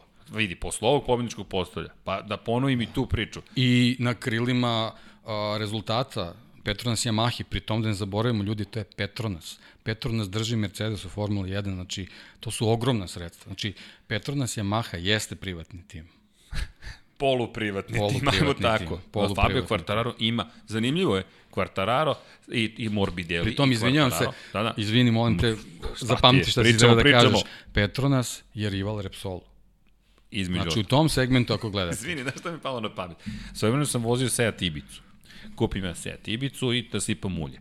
Otvorim i ovako, na šasiji piše Seat preporučuje Repsol. Na motoru Volkswagen preporučuje Castrol. da, da, da. Rekao, da. ok, svako je svoje stavio. znači, izvini, digresi, da, da. ali mi je to uvijek bilo... Ali to hoću da kažem, znači tu su možda već i neki marketinški ovaj... Nisu male stvari. Ako Repsol može da ima Marka Markeza, Petronas može da ima, može da priušti Rosija bez ikakvih bez problema. Ali ne, ali pazi sad ovo, pazi sad ovo, izvini, izvini, to je meni jedna od važnijih tema zato što govori o širem tom svetu. Da, zato, izvini, ne, nego ne bih, ne bih pričao na tu temu kao to neka degradacija Rosija. Ne, ne, ne. ne ja ne. samo to mogu da vidim kao manji pritisak na njega. Ja to gledam drugačije. Pazi sad ovo. Uh, juče sam baš pričao sa nekim navijačima, konkretno Marka Markeza, sreli smo se na ulici, uh, I, i, i, i pazi sad ovo, neću otkrivati njihova imena, ne znam kako biste proveli u svom društvu. Znaš za koga navijaju ove sezone? Šta misliš? Za koga? Sve jasno. za da. Valentina Rosija. Da. Zašto? Ne žele da Kvartararo osvoji titulu. Ne žele da Kvartararo osvoji titulu. Jer ako Kvartararo osvoji titulu i ako mu u glavu uđe, sad sam šampion, sad je ovo moje svet, to je ta smena generacije. Znaš kako da. se kaže u šahu, ajde ne idemo tamo kralj je pao, ajmo da parafraziram, da, da. zato što želim da vidim kako će sve to izgledati, živeo kralj. Ko će biti novi kralj? E sad, samo da se spojim s Petronasom, pa da se bacimo i na tu priču. Ti se sad Petronas, imaš Fabija Kvartarara, koji ima velike šanse da postane šampion sveta. I ti sad fotografišeš Fabija Kvartarara. Lewis Hamilton na putu je. Da li će biti, ne znamo, vidjet ćemo. Ali već ima šest titulu Petronas bojama i sada ti potpišeš ugovor s jednim Valentinom Rosijem. Dakle, potencijalno imaš oba šampiona i u MotoGP-u i u Formuli 1 ove sezone i dovodiš jednog od najboljih svih vremena. Pri tom, u celoj priči, Monster drži celu Monster tu priču. je sa znači, Mercedesom u saradnji tako, i, i sa Petronas Yamahom i sa, i sa zvaničnim fabričkim timom Petronas I Yamaha. sa Quartararom. I, i sa, sa Morbidelijem i sa Rosijem i Svinjalesom. Tako je. Znači, to je jednostavno se pravi neki, neka računica, neki dobar interes i kažem, Petronas Yamaha sledeće godine. A Repsol je sa Red Bullom. Tako je. Dakle, čisto to su, da ne to zaboravimo su, i te ratove. To su te igre da i kad se pogledaju neki prelasci, nikog ne treba začudi zašto je neko ovde, zašto neko dolazi onda, to je, to je potpuno... Pratite, pratite pare. Da. pratite da, pare. Da. Pri čemu će Petronas da uštedi? Gde? Pa ograničavaju se budžeti u Formuli 1. Dakle, možda neće uštediti mnogo, ali više nego dovoljno. Dakle, oni odjednom imaju neki windfall para Tako koji je došao i sad ti dovodiš sebi Rosija na dve godine, verovatno. I ako bude imao dobre rezultate, zatvaraš karijeru Valentina Rosija da. u svojim bojama. Plus ove godine e, ne voze se trke u Maleziji gde je Petronas isto sponsor, znači neki budžet može da se prelije Tako negde Čekaju. bez ikakvih problema sa, sa nula troška. Tako, I zamisli taj znači, na, naša da razmišljanja, da naravno, naravno, ne, ne sada da je to zaista tako, ali jednostavno to su samo neke računice i kalkulacije. Do. Recimo, uh, Mercedes je ove godine ekstra dominantan, ali šta je uradio? Ugasio je DTM program. Tako da bi je. taj novac prebacio u Formulu 1 i rezultati je. su neočigledni, nego ubili su Zastrašujući. Zastrašujući. da, da, dakle, da. i to, to je ta cela priča. Dakle, opet, Pavla i ja smo juče pričali, ma nije problem nikakav da dominira Mercedes, Ferrari, kogod da. hoće. Samo da makar u okviru te ekipe postoji duel, ali da. Hamilton je, ljudi, ekstrem, ekstremno dobar vozač, to je van, van serijski talent, ali nije dobio preko puta van serijski talent s kojim bismo mogli da uparimo da, ali to. ja mislim da to je jednostavno zbog nekih iskustava iz, iz prošlosti, oni su imali vrlo sveže, Tako Sećaš se I ne žele Barcelona i Ditera Ceče u publici. ne znači, to je, mislim da je to... Šef Daimlera je tu da. i vaša dva vozača se sudare. Znači, beli papir i napisao je sve kako treba da bude. Nemojte više ovo znači, da nemojte da, da putujemo ovo ovako bez procedure. veze. Tako je, ovo su vam momci procedure. Tako, ja sam došao da podignem pehar. Tako je, a ne da gledam kako Red da, Bull da, slavi. A bilo je mnogo situacija u prošli sada da ne da, da, da, Formula 1 nije ovo priča. koliko će da traje podcast. Tako, ma ne, nije tema Formula 1 i neka druga ne, priča. Ne, ali vidi, sve to Ali to je to, povezano, je, povezano na taj način i sve to dovodi do toga da je Repsol Honda pod velikim pritiskom. To, to smo u stvari, to je taj neki bottom line svega. I ajmo sad, sad, sad, ajmo sad do Petrona, ne samo Petrona su sad, pazi sad ovo. Sad, aj samo da spomenem, četiri Yamahe imamo, ali ko ima najslabije Yamahu ove godine? Franco Morbidelli. Dakle, či, bilo jedno pitanje na Twitteru, podjednaki Yamahe imaju Fabio Quartararo, Maverick Vinales i Valentino Rossi. Franco Morbidelli nema. Ima A specifikaciju, ali poslednji dobija nove delove. Taj whole shot device, star, uređaj za, zapravo koji se koristi na početku trke, jedini nema Fabio, oprostite, Franco Morbidelli. Čisto da znamo da je da. Franco taj ko je pao na poslednju poziciju. Da, da, a vrlo je solidan. Solidan je, ali da, da, nici, da, da, da, bude da budemo, ta Mogu je na pobedničko postolje. Formulacija da bude tako. Što mu otkazao motor. Da. To, to je isto sad jedna priča, ta, to otkazivanje, priča. vrlo je zanimljivo i vrlo bitan detalj. Ajmo to da napomenemo. Uh, Yamaha je poslala dva motora nazad u Japan. Vi imate po vozaču pet motora na raspolaganju ove sezone. Priča se da su već četiri, možda čak i pet motora otvorili Yamahini vozači, to je zapečatili, dok su ostali zapečatili samo dva. I navodno bi Yamaha mogla biti u situaciji da traži, da moli ostale proizvođače da dozvoli, da dozvole da zapravo rade na tim motorima iz perspektive pouzdanosti. Po da. pravilniku smete da napređujete, da ne napređujete, već da ga učinite pouzdanim. Ali, kako to obično biva, to je politička igra. Jeste. Ok, ti meni, ja tebi. Sad mi ne znamo šta Honda želi da se promeni u pravilniku, ili Ducati, ili Suzuki, ili Aprilia, ili KTM. I sad zakomplikovalo se MSM. Dobro, ali generalno Honda i Yamaha su tu te koje, koje diktiraju celu priču i naravno Honda je, kao što si rekao, to prvo mesto I znači, sad oni moraju da dozvole nešto što bi trebalo u sred sezone da menja pravila, a mnogo trkima do kraja. A pazi sad ovo, zamisli da ti kažeš Yamahi. Pritom nisi u dobroj ne, situaciji. Tako je, i kažeš ne Yamahi, da. ne dam, zašto? Zato što hoću da startujete tamo sa začelja. Ok, imate bolji motor, a ne pouzdan. Ta flaka. Da, ta flaka. Dakle, ko, da. šta, šta sad? Da. Jer ti tako daješ šansu svojim vozačima, zapravo svom jedinom vozaču koji može se boriti za titulu, Marku Markezu, šansu da nadoknadi veliki broj poena. Tako da je Maha ima ozbiljan problem tu. Po tom pitanju je pa, ozbiljan Evo, situacija. možemo, da, možemo sad da, da vidimo i po tom segmentu neku priču. Znači imamo Hondu koji ima četiri motocikla isto. Tako je. A, gde po meni, naravno ne mora da bude tačno, ovaj, ali utisak je da je motocikl kompletno pravljen prema Marku Markezu. Ostali vozači se manje ili više bolje snalaze. I to Nakagami je, je ovaj, otkrio nešto. Otkrio nešto, verovatno mu možda odgovara ta pozicija. Ovaj, vidim da ovih dana već što se tiče Yamahe priča je jako slična. Znači tu su četiri motocikla koji su pravljeni prema stilu vozača koji nisu Valentino Rossi. Znači oni su, kad pogledaš Između po nekoj, ostalog. da, po nekoj njihovoj figuri, oni su tipični vozači Vinjales i Quartararo, Rossi je od uvek odskakao, znači svojim pojavom, viši je, znači drugačije težište, sve, sve je drugačije. On je morao kako i sam rekao, prošle godine se povinuje ostalim vozačima. E, zahtevima, izvini, Yamahe da tako vozi je, poput kvartara. Ali to je, to je neka stvar, znači da, da ljudi budu načisto, ali verujem da, da većina zna, Japanci imaju svoju filozofiju od koje je jako teško da ustaju u svim segmentima. Vrlo teško. U svim segmentima. Znači ja sam se susretao i sa nekim pričama i u Formuli 1 i u VRC-u. Oni su po, po, u Le Mans, da ne to pričamo. To je poslovna znači, kultura. Oni jednostavno tako funkcionišu, oni imaju svoju filozofiju, uh, oni su zadovoljni uh, određenim stvarima bez obzira da li su se a, ovaj prikazali kroz pobed ili nisu. I to jednostavno tako funkcioniše.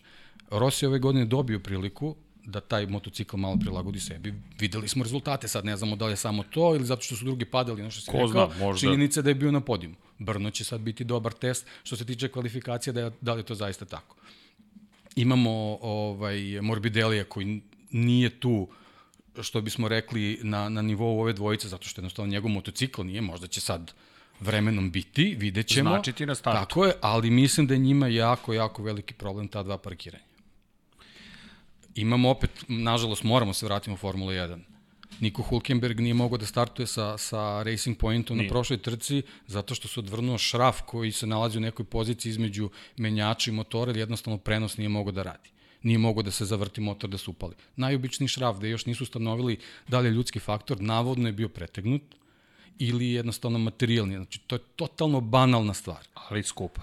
Činjenica je da dve Yamahe već nisu završili trke, oni trenutno ne znaju, nisu izašli sa saopštenjem o čemu se radi.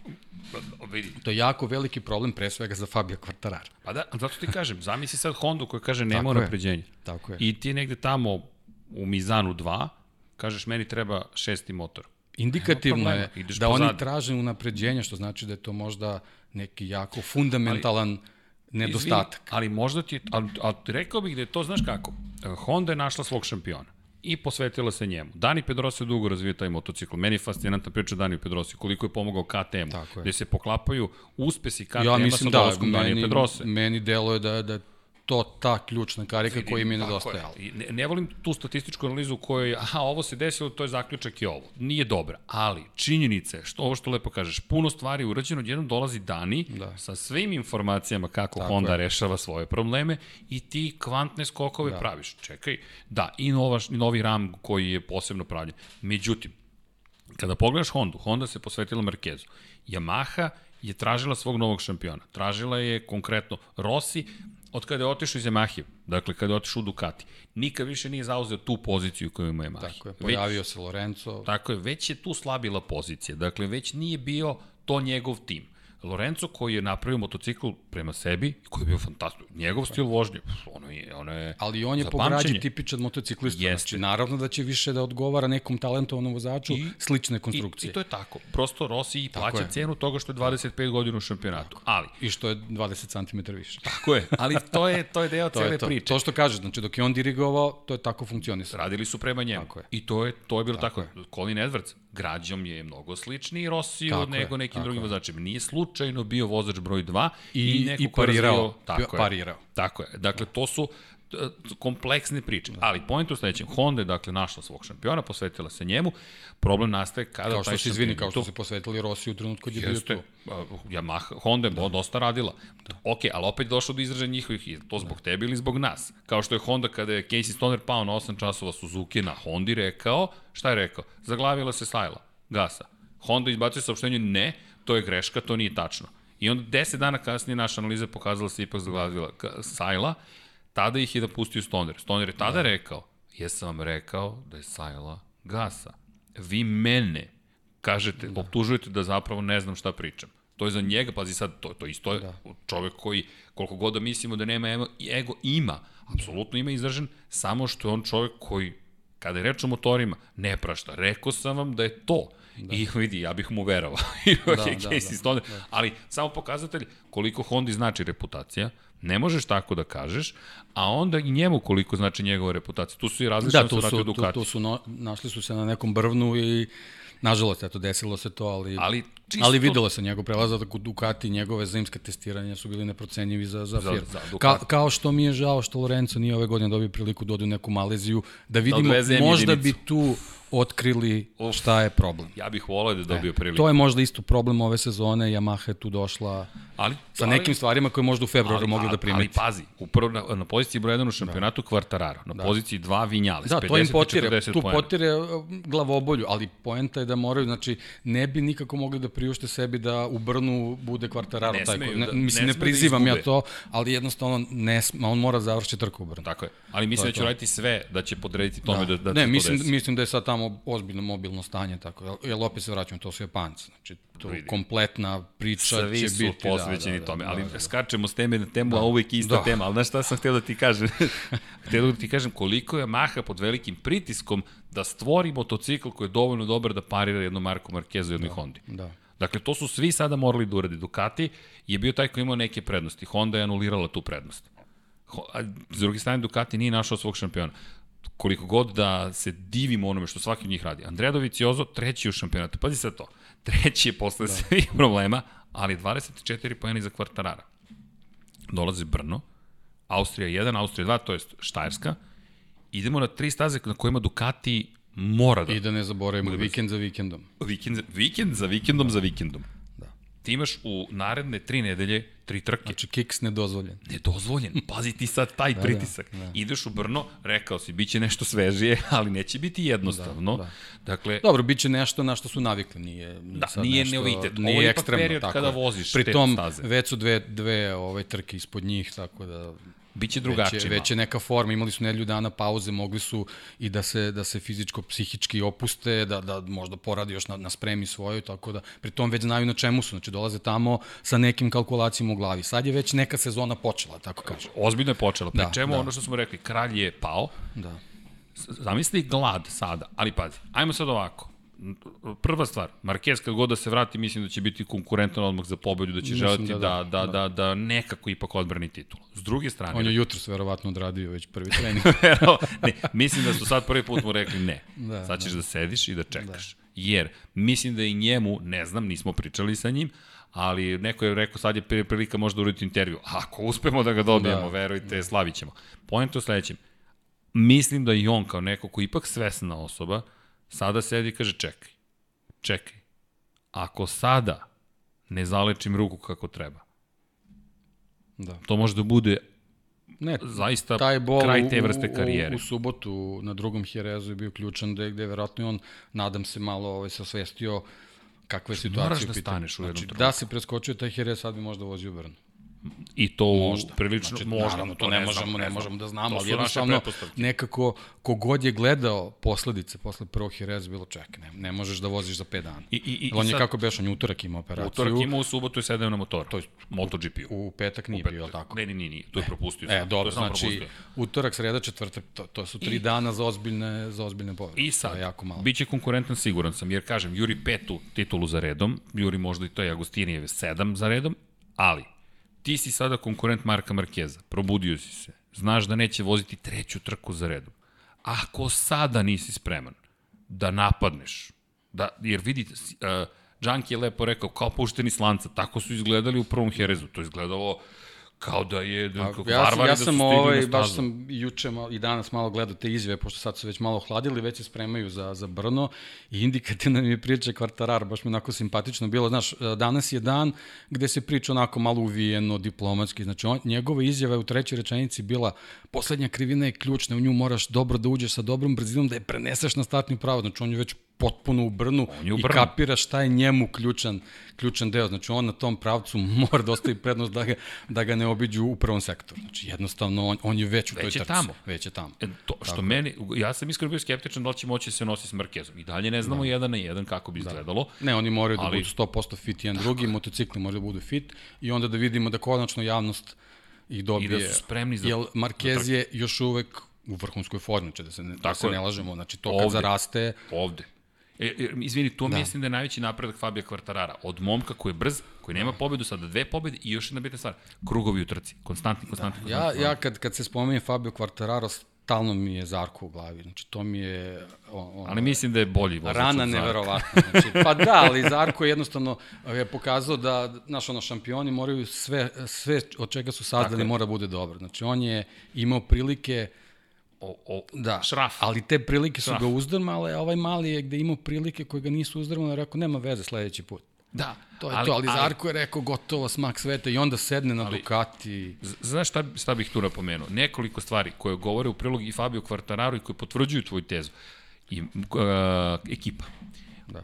Fabio Quartararo je, koliko god da volim teh tri ekip, Erv Poncharal je težak šef.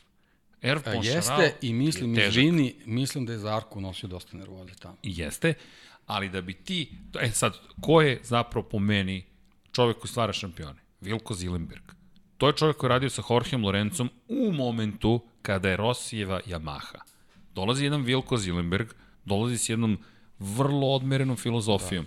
Da. Dakle, čovek koji prenosi svoje trkačko iskustvo i menadžersko iskustvo sa ljudima, gde ti imaš najpopularnijeg vozača, verovatno svih vremena, preko puta sebe, u njegovoj si fabrici, imaš hrabrog vozača koji rekao idem kod Rosija, ja ću da ga pobedim na njegovom motoru, ali to nije dovoljno. Mora sve, kao što si rekao, Tako bude savršeno. I ti sad dovodiš Zilenberga, Zilenberg koji seda sa, sa Jorgeom Lorencom i Ramanom Forkadom i kreću da grade plan. Plan kako do titule. Zilenberg sada radi sa Fabio I pri tom imaš vojnika koji apsolutno sve na stazi sprovodi šta ste zamislili. U Tako desetinku. Je. E, upravo to. To je to. Je, to. I to je ono što si čitao kvartararove krugove. Tako to je. je to. E, evo e, Vanja, tu je bio problem sa Zarkom. Vanja radi NFL. Da. I često pričamo o, ne znam, ti voliš isto, zvao si me prošle godine da pišem najavu to, daj dve i po hiljade, može pet i po hiljade. Stota sezona, vidiš kako nam to sve. Da, nekako, ja. da. Ali dobro. Ali, ali dobro, da, sad ne znam šta će biti da. sa NFL-om, ali dobro, dobro. Da ne skačemo. E, Vanja, evo vam ga gost za emisiju. Evo vam ga gost. Čovek prati sve sportove, da znaš. Dakle, i, i ozbiljno ih prati. Dakle, NFL, samo kratko poređenje. Bill Belichick, Tom Brady. Ok, više nisu zajedno. Ali šta je stalno jedna ta ista priča bila o Brady-u? Coachable.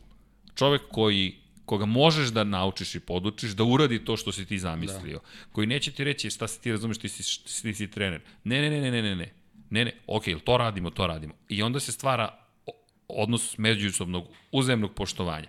Lorenzo je kasnije stekao taj odnos da se i on više pita, ali je i dalje sprovodi u delo ono što se tražilo. Maverick Vinales ne zna to, ne sluša na taj način.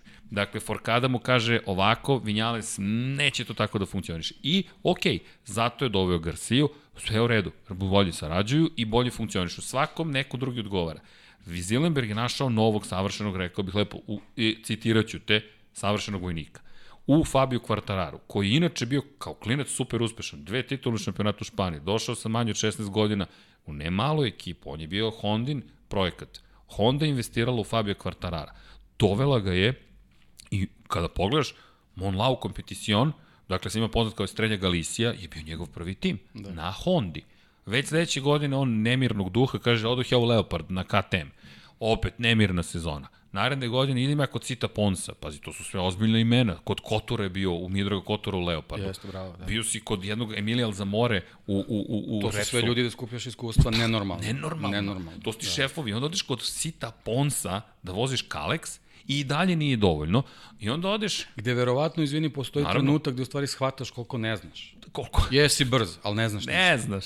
Ne znaš ne znaš. Skupljaj Tako i bit ćeš dobar. I odeš Verovatno je neko od njih mu je dao taj Tako savjet je. i to se po njemu vidi, vidi se po njegovom, njegovom ponašanju, njegovom vedrom duhu. A, ne, Znaš, nešto to, to je nešto, pogodio. recimo sad kad si spomenuo Vinjalesa, ja naravno naljutit će se navijači, ali meni kod Vinjalesa strašno smetaju detalji.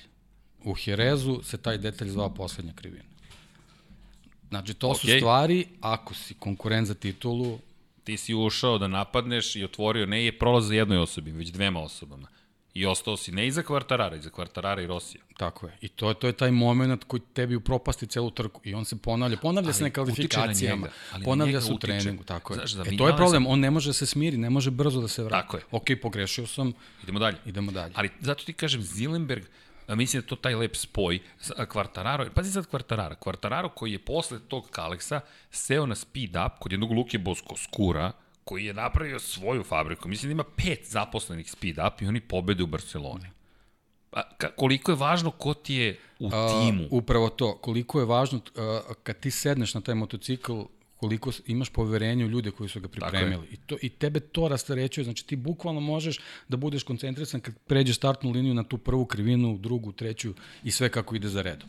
I, I to je to, I, ali moraš da imaš taj, taj sklop. Znači, to što smo rekli da je možda minus Vinjalesov, deluje mi, nadam se da grešim, to je bio veliki problem kod Zarka. A, koji je mogu da bude kvartararo pre kvartarara. E, e, e sad, Zarko I ti si imao... sad završio negde, nažalost, mislim, jako mi je ono, ne, jednostavno ne, ne volim da pričam da, da se ti, ti si negde sa tim rabatom koji isto bio Šampion. Ja, ja sam generalno klase. stvarno Izvini. navijao da bude iznenađenje u svojoj prvoj sezoni, nažalost, desilo se isto nije, što se desilo, ali očigledno da taj Ducati nije dobra nije stvar da sedneš kao početnik. Vidi, vidi. Jednostavno, ali, to je to. Uh, sad, pazi, imamo a, tu. A obaška što nije Čekaj, za svakoga. Pet obaška. tema, stani, stani, stani, stani, stani, da Čekaj, opet... Stani, da, da, Zapiši, molim te negde. Ali vidi, ja, ja Vanja na dva sata će nam reći momci secite, ali da. nešto čemu je poenta. Možemo mi tri, ne možemo mi pet. Samo, Osti, sađi, zatvori, samo u reda.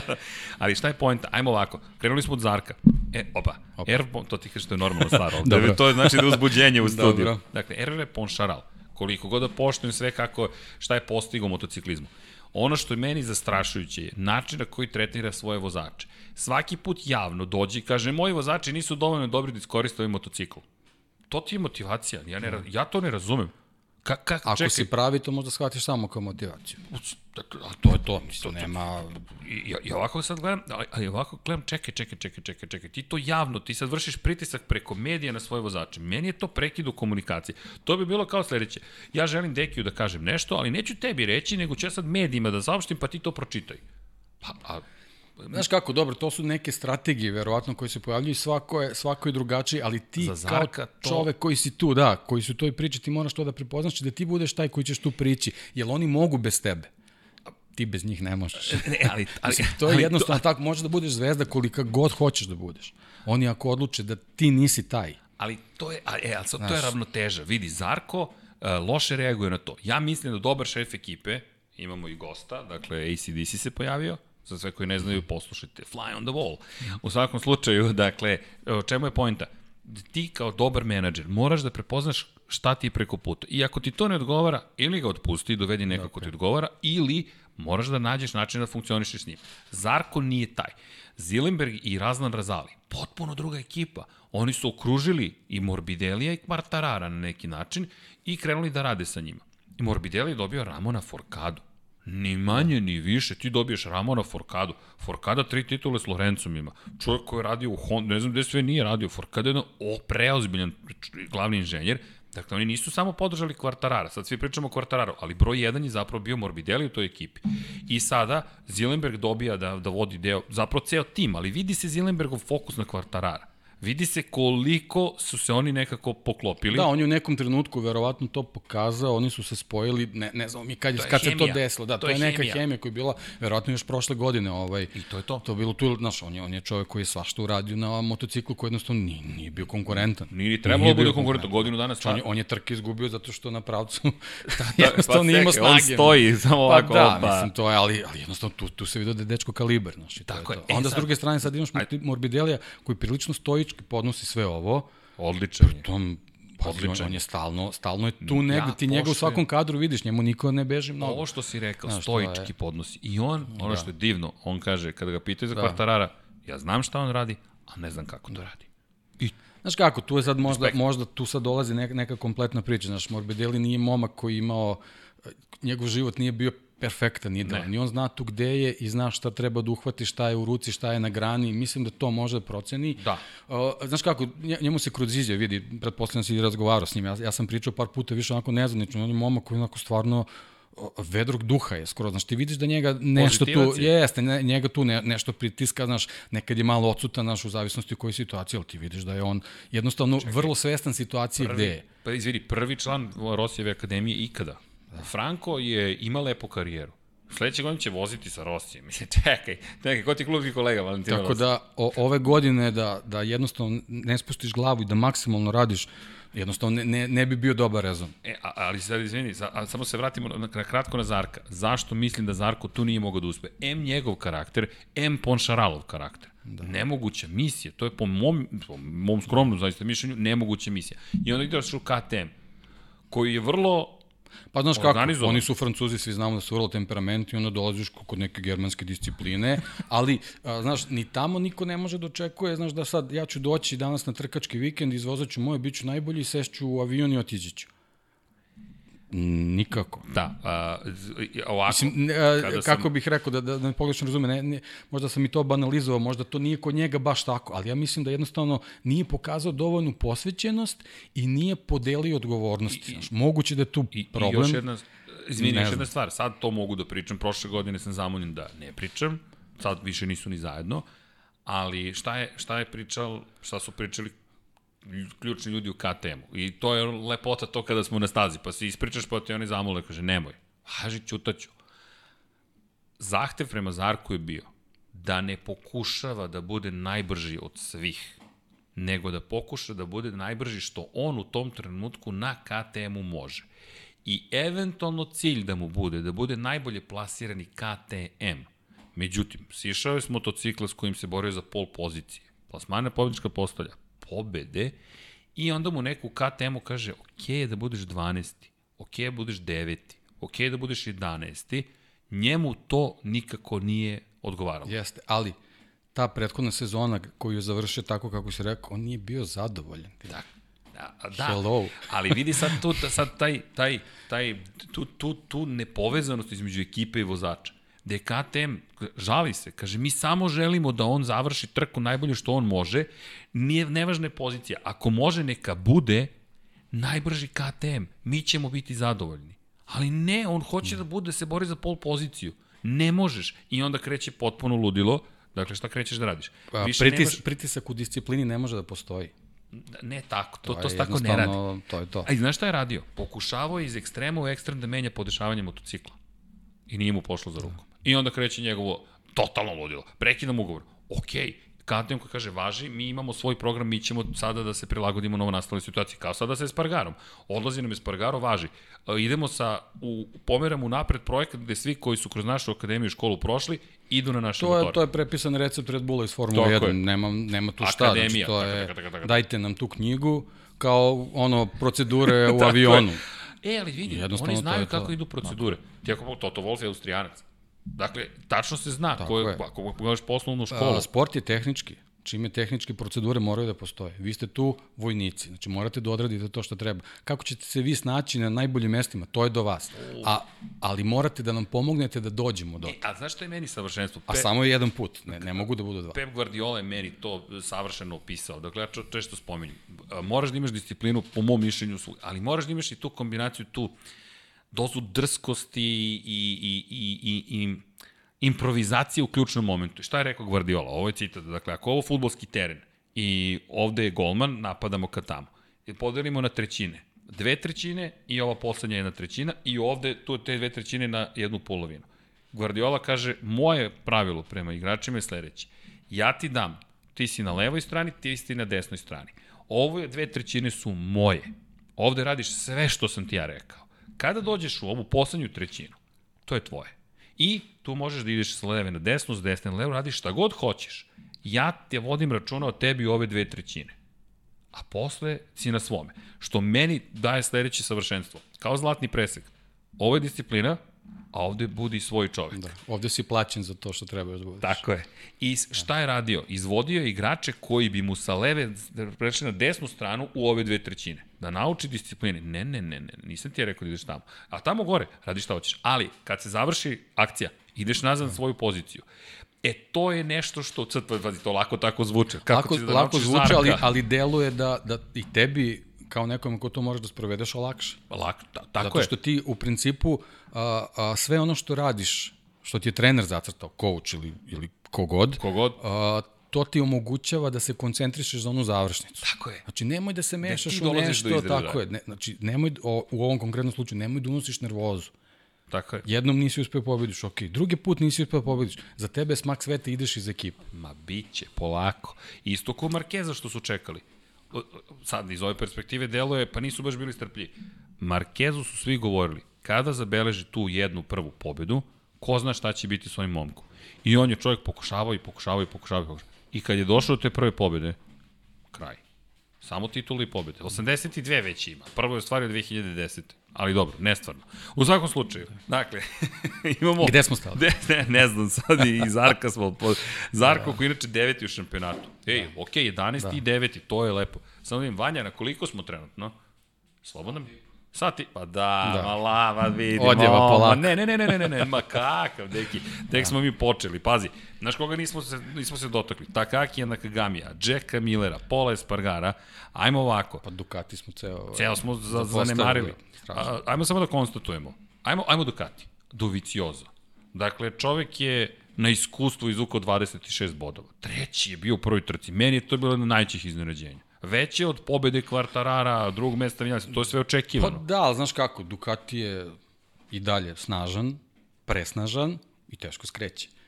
Jerez, okay, pod Jerez, znači, Skreni, videli smo s Millerom šta neće. se desilo, znači ne smeš da, da pretraš sa svojom ambicijom, on, on to ne praša. Tako, a nove gume i, i su im problematične. Da. Sa novim gumama zadnjim šta se dešava? nemaju mogućnost da upravljaju krivinama na kočenje kao sa prethodnim. Jer da, da bi skrenuli, oni moraju da zanesu zadnji kraj. Kao, to je, to je Lorenzo rekao, u Ducati vozite kao čamac. Dakle, to je kao da. čamac. To su, vi skrenete, on će jednog momenta početi inercija da reaguje.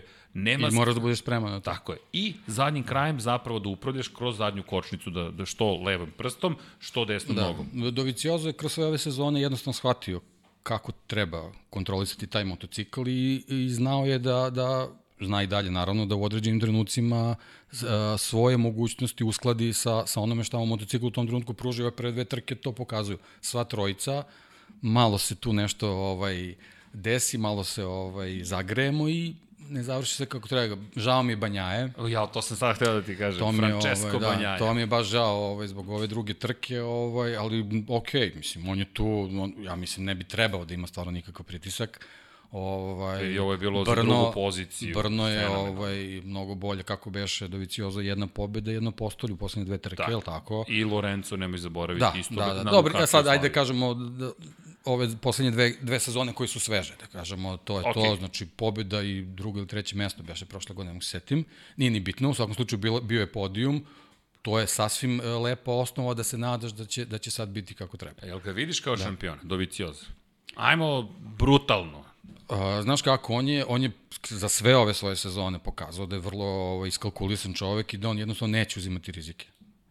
Ja mislim, ako se otvori situacija, on će prihvatiti, Ali sam da povuče potez? Ja mislim da od njega to, mislim da ne možemo da očekujemo. Posebno što je on već ušao u godine i on je, ovaj, zna da njegovo vreme jednostavno curi. Sviđa mi se tvoj opis. Dakle, ako mi titula dođe, cool. Ali ja, ja mislim da, da, jurim, da, da ima sposobnost da je prigrabi ako mu neko kaže, majstore, tu si. A mislim da ove dve trke, ove dve trke a, pokazuju kalkulaciju koju Marquez nema. Da. Marquez je nula, on nije nula. A, a, a bio je dizaster. Da. Ali Znaš, češće da... Markezova filozofija pobedi nego Dovija, Naravno, ali evo, pa, možda je ovo godina dobro. kada će ta filozofija doneti rezultat. A pazi, ja mislim da su ove tri trke zaista kritične za Dovija u sezoni. Jeste, jeste. U Brnu znamo da si pobeđivao. Znamo da si pobeđivao u, u, u, u Red Bull, na Red Bull na ringu. Red Bull, ringu, Red Bull ring je pokazao da je staza gde on može da ima ogromno samopouzdanje, on posebno zbog one poslednje krivine. Njegova. Tog, on jednostavno to... Tu, Pazi, tu, finiš prošle Znaš, mislim, to je ono kako vozači da zovu u automobilizmu Mickey Mouse staza. Znači, to je Pokušao sam. Nisi. Ajde, probat ćemo zajedno. Ovaj. Daj kape raširi pa da probamo. ali ovde jurimo je celo, celo. Neka pa slušaj oni, ne znam, nije bit. Ovaj, ta, to, taj Red Bull, sad odlazimo Izvini, daleko. Vanja je šokiran mojim ponašanjem. Vanja, to je podcast, izvinite da. za oni koji slušaju Juri Mu ovde, ali okej. Okay. Da je ne ubim, samo da je poklopim i onda da je izbacimo iz studija. Da. Izvini. Ne, ništa, ovaj, Red Bull je kako automobilisti kažu Mickey Mouse staza, znači navijaš gas, skočiš, navijaš gas, to je za Ducati sasvim ok, ok, znači... Dve snage, izvi, i tri snage. Tri. Stabilnost da. na kočenju, odlična da. ubrzanje na izlasku iz krivine i velik, visoka maksimalna brzina. Ključan deo je između oslog ta poslednja krivina, on je pokazao da, da, da vlada tom krivinom. Kako je odvezao? je pre svega i ključan za te kvalifikacije, da bi on tu stekao samo puzdanje, ali ne verujem da su te kvalifikacije, taj rezultat toliko bitne. Znači, prva dva reda, treći red, To je s obzirom njega, ovamo kako njega. je bila cela priča u Španiji, ja mislim da je to skoro super, ovaj, ali i tu će mnogo toga zavisiti od Brna, kako tu prođe. E sad, tu su neka četiri Dukatije gde su svi momci Pazi, pokazali da ozbiljno mogu da grizu. Imaš Hondu manje, Honda, ajmo, da. Takaki Nakagami je četvrti u da. šampionatu. Takaki Nakagami je četvrti da. u šampionatu. To je fantastično. To je fantastično, znači pokazao je da je u formi, pokazao je da ume, da, da, da tehnički vlada tim motociklom, sad je tu samo pitanje njegovog iskustva. Znači neki mentalni sklop, ali... Ja, opet... ja mislim da, vidi, Kračov je dobio otkaz. Realno da. Takaki Nakagami zadržao na koncu toga što je mlađi i japanac. Tako je. Dakle, ok, podržavamo. Dobro, oni uvek imaju jedno svog vozača, to je potpuno ok. u redu. Ja bih neko, to... neko ko toliko ulaže sve ove godine u taj sport i podigne ga, Zašto ne bi apsolutno ima pravo, svog... pritom nije loš vozač. Čuj, loš četvrti tako je, u šampionatu tako je. Znači, sveta. Nije to priča sad neki sponsor je došao i on sad se tu vozika obrće krugove. Znači, I, dečko, dečko se borio za pol poziciju. Mislim, i, to apsolutno i, treba skinuti kapu. Tako, i Nakagami je rekao, ono što je super meni, Nakagami je rekao da je posmatrao kako, ne, da je posmatrao, ono što je meni tu čudno malo Rekao je da, su, da je gledao podatke Marka Markeza iz prethodne sezone i iz trke. I da je rekao da je potpuno drugačije zapravo vozio Markez od njega. Jedan od naših gledalaca bio skeptičan. Kako može da promeni tako brzo stil vožnje? Ne znam, možda je to neka gavim sposobnost. Ono što mi je čudno, trebalo bi svi da dele podatke, da li je moguće da se ne dele baš svi podaci, to je vrlo čudno, ali to je neka gamijeva izjava. Sad tumačimo, to, Takeo Yokoyama rekli smo, konstantno je kod Nakagami u garaži i mislim da se nadoveze na priču. Honda sada mora da se kladi na nekoga. Alex Marquez nije taj trenutno, iako je vrlo lepo Dobro, napredovao. polako, on dečko svestan, svestan je svog problema koji, koji su ono sa više strana, Tako je. on ima neke pritiske toko da... Ali mislim da izvini spao pritisak, da je, da je da, dosta niži sada. Ej, pa, već moguće, si otpušten de facto. Moguće da, nego samo je ta sad priča tog pritiska o svoj bodove, svoj bodove, znaš, to je, to je možda tu, znaš, ti stalno ako se moraš da se osvrćeš, bio je osmi. to je To je okej, okay, da. To je... Da, zbog tog nekog spleta okolnosti, ali sve je to... Ali opet, sve bio si osmi. Mislim, moraš da, da izdržiš tu celu bitku, da, da, da ne budeš ti taj koji si odustao. Vidi, ja mu skinem da... kapu. Prva trka 12. druga trka 8. I ti sad odjednom Alex je osmi u šampionatu sveta. On, on i dalje je u fizičkom problemu, znači... On tek se prilagod. I, I vozi motocikl koji I nije napravljen za njega. Slično Rosiju, on je visok momak. To, to sam htio da kažem, znači, on, on vozi motocikl koji nije napravljen za njega. Ne, Da, da, ali zanimljivo. A, ali ovo što si rekao, znači Honda verovatno neće mu sad pomoći na tu stranu. Niko neće prilagođavati ne, motocikl ne, ne, ne. njemu i on je sad tu u problema, dolazi staza, vole, oba Markeza vole Brno, sve je to okej, okay, da. znači možda će na, na, na konto toga on uspeti da, da on sebi izgradi još neko samopouzdanje, gde će možda ipak ovaj, fokus ekipe okrenuti prema sebi. Da. Sad ima klubsku kolegu. Ima, Da. Štefan Bravović je menjati Ne da nismo Marko dotakli. Nego, čuj, da. Iako je Štefan da. prvu pobedu u karijeri zabeležio u novoj stazi 2011. Da. da. I Valentino Rossi. Da, 1996. godine. Da. Šeste. Šeste, bravo. Šeste, izvini. Pa da, to je bio da. taj tekst. A znaš ko je pobedio na velikoj da. nagradi Austrije? Da li se sjećaš, ovo ti je trik pitanje, ali... Velika nagrada Austrije vozi se od 1930. godine. dakle, Ivan Goj je pobedio da. trku pre Valentina Rosija. Goji i Rossi su bili mladi, talentovani italijanski vozači koji bravo, su ušli u tu bravo, sezonu. Da, da. Ja se sećam Ivana Goja, zapravo ja sam po, po, po zadatku 95. dobio u sportskom žurnalu da pišem u svetskom šampionatu u motociklizmu. Formula 1, to je obožavanje bilo. I kaže mi, Simke, kaže, mali, ajde ti da pišeš ove motore. Ja, uvaži. Sedi u moju kancelariju, tu imaš satelit, nema, da. ne, nema. Sve ostalo istorije. da, i ja sam seo i ovako, Gledam 125-ice, Haručika, Oki, gledam 250-ice, Tetsuya Harada, Max Bađi, dolazi Mick Duan, mm. Moto, u petu Loris Capirosi beže. Vozio, tako? vozio, ma da, 250. Jel te godine bilo ono povlačenje, podlačenje u aprili? Ili... Nije, 98. Da, 98. Da, da, kad je Haradu bravo, eliminisao. Ja, da, da, da. ja, to je... Kako su se tu karijere Ovo... promenile. Vidiš kako, kako jedan detalj I to, a, promeni karijere sada, potpuno. Baš me zanima, ali pazi sad ovo, i da su ga kaznili, Haradi danje nema titulu. Za da. one koji ne znaju, Harada je bio u aprili fabričkoj, Kapiros je bio u fabričkoj aprili, pet pojena ih deli na kraju da. sezone, pobedniku ide titula. Harada vodi u Argentini. Vodi. To je ogromna prednost i Capirosi u poslednjem krugu u nekom ludačkom manevru sa ne, Smislio je manevar pre Markeza. Manevar. Markeza manevar pre, manevar pre Markeza. Ja, čekaj, kome pripada taj manevar zapravo? Kome pripada taj... Ali, vidi, ali znaš kako, ja čak mislim da ni Marquez nije takav manevar izveo. To, to, to niko nije izveo pa tako. ne, ne, ono bilo pot, on je on je promašio sve tačke svih ne, kočenja. Ne, ne, ono je to ne, je bilo Ne bih ga poredio da. s Marquezom. Ne, ne, ne. ne, ne. šalim se to, ja, nego to, nego otprilike to je taj to je izazvalo, da, izazvalo neku ali, reakciju kao što Marquezovi ovaj akcije izvode, izvode neke reakcije. Da, to je, to je to. Jeste agresivni potez, ali ovo je bio ovo je Kapirosi potez. Mora da bude zabeležen, zato što je to za mene Marquez ono što radi, to je agresivno, ali nije da. nekorektno. Ovo je bilo nesportski. Jeste. Ovo je, čovjek se zaletao, Harada je već u Prema krivini. Prema kolegi. Da. da. I Capirosi koji ovako samo nastavlja na kočenju, sa, udara sa kalkulacijom da će ga od, od sila da ovaj, sačuvati od kolega. Tako, tako je. I Harada je. koji je izbočen sa staze, Capirosi nastavlja i osvaja titulu. I šta sad? Da. I da diskvalifikujete Capirosija, Capirosi ima 5 pojena više na ulazku u trku, titula je njegova. Katastrofa. Gde smo mi otišli? Katastrofa, da, otišli smo tamo, ali pita, pitao si. Da, da, u svakom da, slučaju, da. Goj je zabeležio Rossi 96. Bradley iznače pobedio prvi put. Ko je još pobedio? Ko je još pobedio 2016. po kiši? Karl Kračl. Karl Kračl zabeležio prvu pobedu, seća se naša draga koleginica Jelena Tračko koja je inače pitala Rossi da. gde čuvaš trofeje, ovde ne bi stali, dakle ne da. čuva ih u specijalnom skladištu, pitalo dan ranije Kračl, dobro kad ti planiraš da pobediš, pošto nikad ne pobeđuješ, sutradan čovjek pobedio, evo, Kal možda će se oporaviti, možda njemu brma ja, Možda je još rovit, ali Možda sa njim, mu, sa njim se nikad ne zna. Možda mu pomogne. To, jednostavno, Kal je, ja, ja njega gotovim baš zbog toga što on... on pa ima stav čovjek. Ima stav čovjek i iako deluje da, da vozi onako bez kalkulacija, mislim da, da vrlo proračun u celoj priči, tako da će on znati svoje mogućnosti on, prvi put, kad, kad obiđe prvi krug, on će znati zašto, Ali, zašto je sposoban za nedelju. Za pobedu Samo što to da naravno ne. nikom neće reći. Naravno, pa to nikad, da, nikad. Da. Ali vidi, za pobedu ga ne vidim, ali Ne, ne, mislim, mislim da... da posebno sa ovim vremenskim uslovima će trka biti ono, bez ikakih problema i nekih kišica ili nečega. Ja ga gledam negde mislim možda da... treći, iskreno, kao iznenađenje. Sve zavisi od Honda, mislim, to je ovaj... Da, to, to, to, to ona, ako rekao. se, ako se oseti nesigurnim na motociklu, to znamo kako se završi. Znamo, da, znamo vrlo dobro, ne kako treba. Da, ovaj... E, izvini, Jack Miller, da, da, da, da, da, da. da ostanemo do nekle u Ducatiju, ne znam, mi smo došli do Lorisa Capirosa, da. Tetsuji Harade, da. ali Jack Miller, četvrti u prvoj trci, u drugoj imao šansu možda i na pomoću da. postaviti. To je sad priča, kada govorimo o Ducatiju, i o KTM-u u propuštenim prilikama, Ducati koji imao kvar kod Banjaje, pa je spustio drugu poziciju, Miller koji izleteo sa staze, da. ostao bez bodova, Petrući koji se povredio još pre prve trke u sredu, naleteo na ulje iz Aprilija Aleša Aspergara, pao i nije se u suštini oporavio.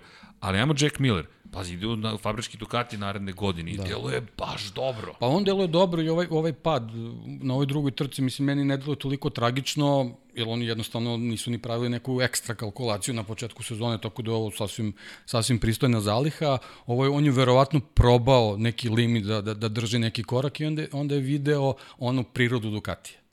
To je to. Znači, Jedna... ne možeš da skreneš tamo gde ne može da se skrene, posao ne u brzine kojim se ti nam, nameri. I, i, i litica tako da, ne ide postepeno. Tako je. Ne, nego idete ovako i Kraj. Tako je, tako da ovaj, ne, ne verujem da, je to njega nešto posebno uzdrmalo, on je, mislim, on je već pokazao sa svojom mislim pobedom da, koliko je čvrst, mislim, tako je, da tako da ti je. na, na, u nekoj potpuno suludoj situaciji sa, sa motociklom koji nije konkurentan, ti zabeležaš pobedu bez ikakvih problema, nijednog trenutka ne pokažeš... u Holandiji neku, ispred Markeza po kiši. Neku slabost ne, nisi pokazao, što znači čovjek je veoma čvrst u glavi, mislim, nadam se Ali, da je to to što su ga prepoznali u Ducatiju, da je on taj neki australijanac, pošto ima tu neku vezu. Ima, ima kao ovaj, novi stoner, kako, kako i broji tu obojnu zastavu. da, da, da. Mislim da, da pokušava na taj način, isto mislim, ima verovatno ne, neke sličnosti na, na taj način da, da, da želi da, da im pokaže ovaj o čemu Dobro, se radi, ali... Ali, ali znaš gde sam ja? Prilično je dobar. Znaš gde sam ja? Znaš gde sam ja? Da li je ovo moment kada svi oni, evo, spisak, Kvartararo Vinjales, već znamo da će se boriti za titulu. Doviciozo, re, lepo si rekao, moram ti reći savršen opis. Ako mi titula dođe, super, ako ne, neću rizikovati. Mislim da neće biti rizik. Međutim, Gami ne vidim da će se boriti za titulu. Pole Spargaro, peta pozicija, 19 pojena u KTM-u, šest, šesta i sedma pozicija. Jack Miller, tu je Valentino Pri tom Rossi, rešavaš pa neku, neki, neku situaciju za sledeću sezonu. Da li misliš? Vrlo si rasterećen. A zamisli sad ovo. KTM, ako može da iskoristi ove tri trke, nije iskoristio Jerez, Da li mo je ludo moje pitanje da kažem, ok, možda se i meni otvara prvi kad se borim za titulu. Iako nemam ni jednu ni pobedu, ali Znaš kako, sad dalje on, sve otvoreno. Oni imaju dve trke na domaćem terenu. Da, to sam zaboravio. Bravo. Znaš kako. To je, I tu stazu poznaju. A Bravo. nije zanemarljivo što je to cela priča oko Red Bulla. Oni, mislim... Zamisli, kažem ti sastanak KTM-a koji sam. sada ovako imamo 19 pojena. Nije nedostižno. Marquez je još uvek povređen. I imamo sve ove Pedrosine podatke vezane za ovu stazu. Sve. Tako da, okay, dakle... Znaš kako, da li možemo da zamislimo koliko je krugova vozio tamo, a da mi ni ne znamo? Na Red Bull ringu, pa to, ja mislim da su to ozbiljna sada hiljade krugova. Ozbiljna kilometraža, Ej, tako čekaj, da. znaš Mislim, da- sve ovo nagađanje, Naravno. naravno, da se ogradimo, E, vidi. ali To je lepota ovoga. to je ono što smo vratili, znači to je priča o redu, radu i disciplini, oni vrlo dobro znaju kakva je procedura. Mislim da je u tom segmentu ispunjena potpuno. Znači, Vrlo jasno nije, sve. nije ovaj bio na odmoru i nije se odmarao sigurno. Vidi, ja sam dao prognozu da će Brad Binder biti prvi šampion KTM-a u MotoGP-u, ali nije baš iskoristio vikend broj 2. Dobro, to je jedna trka. Mislim, to je... Da, nešto nam je upalo u sistem, ali sad smo okej. Okay. Mislim, ja dobro, dobro. Sve je okej. Okay. Ko neči telefon, ali nema da, veze. Nešto. Dakle, Binder 3 poena, međutim ja to o tituli razmišljam i toj bici. U svakom slučaju Pola Espargaro tu najveća šansa, budimo realni i na iskustvo, ali e, se sećaš da je Toro Rosso Hondu testirao zajedno sa Markom Marquezom Dani Pedrosa na Red Bull ringu. Tak, nije, nije to slučajno Čak bilo. i Formulu 1 je vozio kao, tamo. Kao bojagi marketinški. Red Bull je znao to, šta radi. To su stvari koje, koje možeš da iskoristiš i Red Bull... zašto da ne. Ne, ja, sam, ja čekam kada će Red Bull da ode kod Marka Markeza i kaže, evo ti ček, ti popuniš, mi platimo i ti dođeš u Pa naš, znaš ne kako, da li, da li ti u ovom trenutku možeš da se kladiš da je Repsol njegov jedini tim? Ne. Realno, znaš, tako da ako krene neki trend sa Petronas, Yamahom i Rosijem, da veliki šampioni formiraju svoje timove prema svom nahođenju i željama, zašto on u jednom trenutku ne bi imao svoj tim? Da. Jer on je, on je ipak mnogo, mnogo mlađi. Znaš, to, to su te neke stvari, znaš, kad se ispune ambicije vezane za titule, za pobede, možda se pojavi neka ambicija da bude šampion i kao vlasnik tima. I Zašto to, da ne? To, pazi, ali ja sam još, još sam razmišljao o tome, znaš, kao vozač da dođe i kaže KTM-u donese titulu, ali pazi, Dobro, Binder, mislim da je to neka daleka budućnost vezano za Markeza, ali da lepo si mi ovo, da, ovo, da, ovo morate pristiti. Pa da. Znaš kako, neki trendovi kad se pojave... Zato volim s tobom da pričam. A pazi, nismo se da. ni Da. spremali za, Da. za, za podcast. Nismo se videli od Barsija, Da, mislim. i da, od to otprilike 13 meseci. Čekaj, ti si, mi, ti si rekao, Erceg, idemo da istražimo. Da, da. Dakle, ti si bio CSI Barcelona. Da, da. Evo ga čovjek koji organizovao, molim vas, dakle, forenziku pada prošle Sećaš godine. se Morbidellijevo ovaj, Sećam se. dužina pada. Sećam On stvarno zapanjujući. Da. Zato ono topla preporuka svima, ako nikakav način, naravno ove godine, jako Da, teško, da, da, ovaj. ali ako imate priliku da odete uživo, da posmatrate bilo koje trke na tom vrhunskom nivou, treba otići. To je za pamćenje. Druga dimenzija. Menja vam sve. Dakle, prosto pogledate te trke i kažete, ok, sad razumem. Koliko god da volim televiziju i koliko god da stalno... I koliko god mislim da sam u saobraćaju, veliki baja, ne, ne, onda shvatiš, ok, ja ću pozadi da sednem Da, da, ako da. ne hoće da vozi. Ali, da, apropo toga, dakle, Pole Espargaro, 19 pojene. Čekaj sad, pozicija 6, Valentino Rossi 16 bodova. Da mu nije otkazala Yamaha, osvojio bi vratno još 6 iz prve trke, 22, 28 zostaje za kvartararom, ali da li on sada, ako je stvarno otkrio nešto na Yamahi, ako je dobio zeleno svetlo, kaže, čekaj, ovo je ta sezona kad možda mogu do 10 titula. U poslednjih nekoliko godina mislim da je veliki problem Valentina Rosija što se ne bavi samo vožnjom. Znači, on je pre Sjajno svega rečeno. biznismen, menadžer, ne zaboravite da on ima svoj tim, znači ni slučajno da on tim prepustio nekome i da ne želi da bude tamo i da se pita, on je svaki Akademija, put, ranč. svaki put je u Park Fermeu da čestita svojim vozačima, Ne sprema se za svoju trku. ne sprema se za svoju trku, a vrlo je bitno da što više vremena provodiš sa svojim inženjerom. Imam ja tu još Znači, jednu on, on, teoriju. on samo u ovom trenutku od obaveza nema organizaciju trke.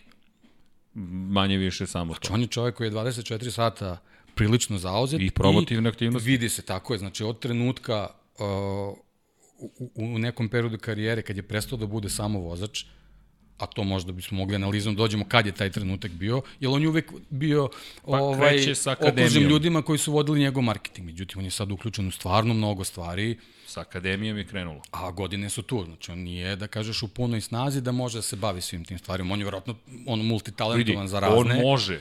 Da. On, on je renesansni vjerojatno čovek, može yes. sve, ali, ali, da. Ne možeš sve tako savršeno. Je, tako je. A, To a, je a da bi pobedio u MotoGP-u, Mora sve mora da bude savršeno. Tako da, možda je tu taj moment, ali Teki. Doviciozo Rossi, sad nije, nije baš za, za paralela za poređenje, ali je ista priča. Bilo šta da mu se ponudi, on će to prihvatiti. Znaš kad je on rizikovao? Prošle godine na početku sezone.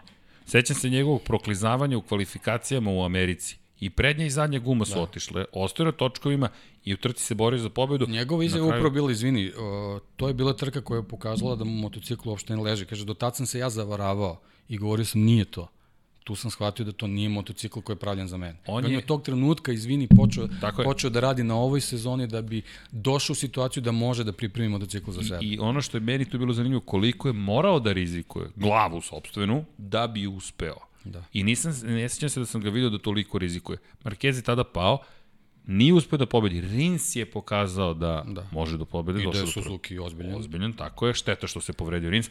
I tu opet ću reći medalja za Rinsa mogao je da pusti motor da padne i da ga pusti tamo ka Jacku Milleru i Ducati, on je rekao ne, ostajem da. na motoru, pazi tu svest i tu humanost i, i, i, i empatiju. I tako je. Fenomenalno. Tako. To je ljudskost na delu. Pritom to je, to je ozbiljna veština da ti u milisekundi sagledaš situaciju koja se dešava na, na 100 kvadratnih metara oko tebe. I ti je na 200 I pritom sat. svesno rizikuješ svo, svoj život. Svoj život znajući da možda povrediš nekog Da ne bi povredio. Da, da. Ja sam rekao, da. medalja Da, da. Bukvalno. Da. Meni je žao što toliko se stvari dešava zato što su trke ovako stisnute u kalendaru ali, da jednostavno nemaš vremena da se posvetiš nekim sitnim detaljima. Ali to je ono što si rekao.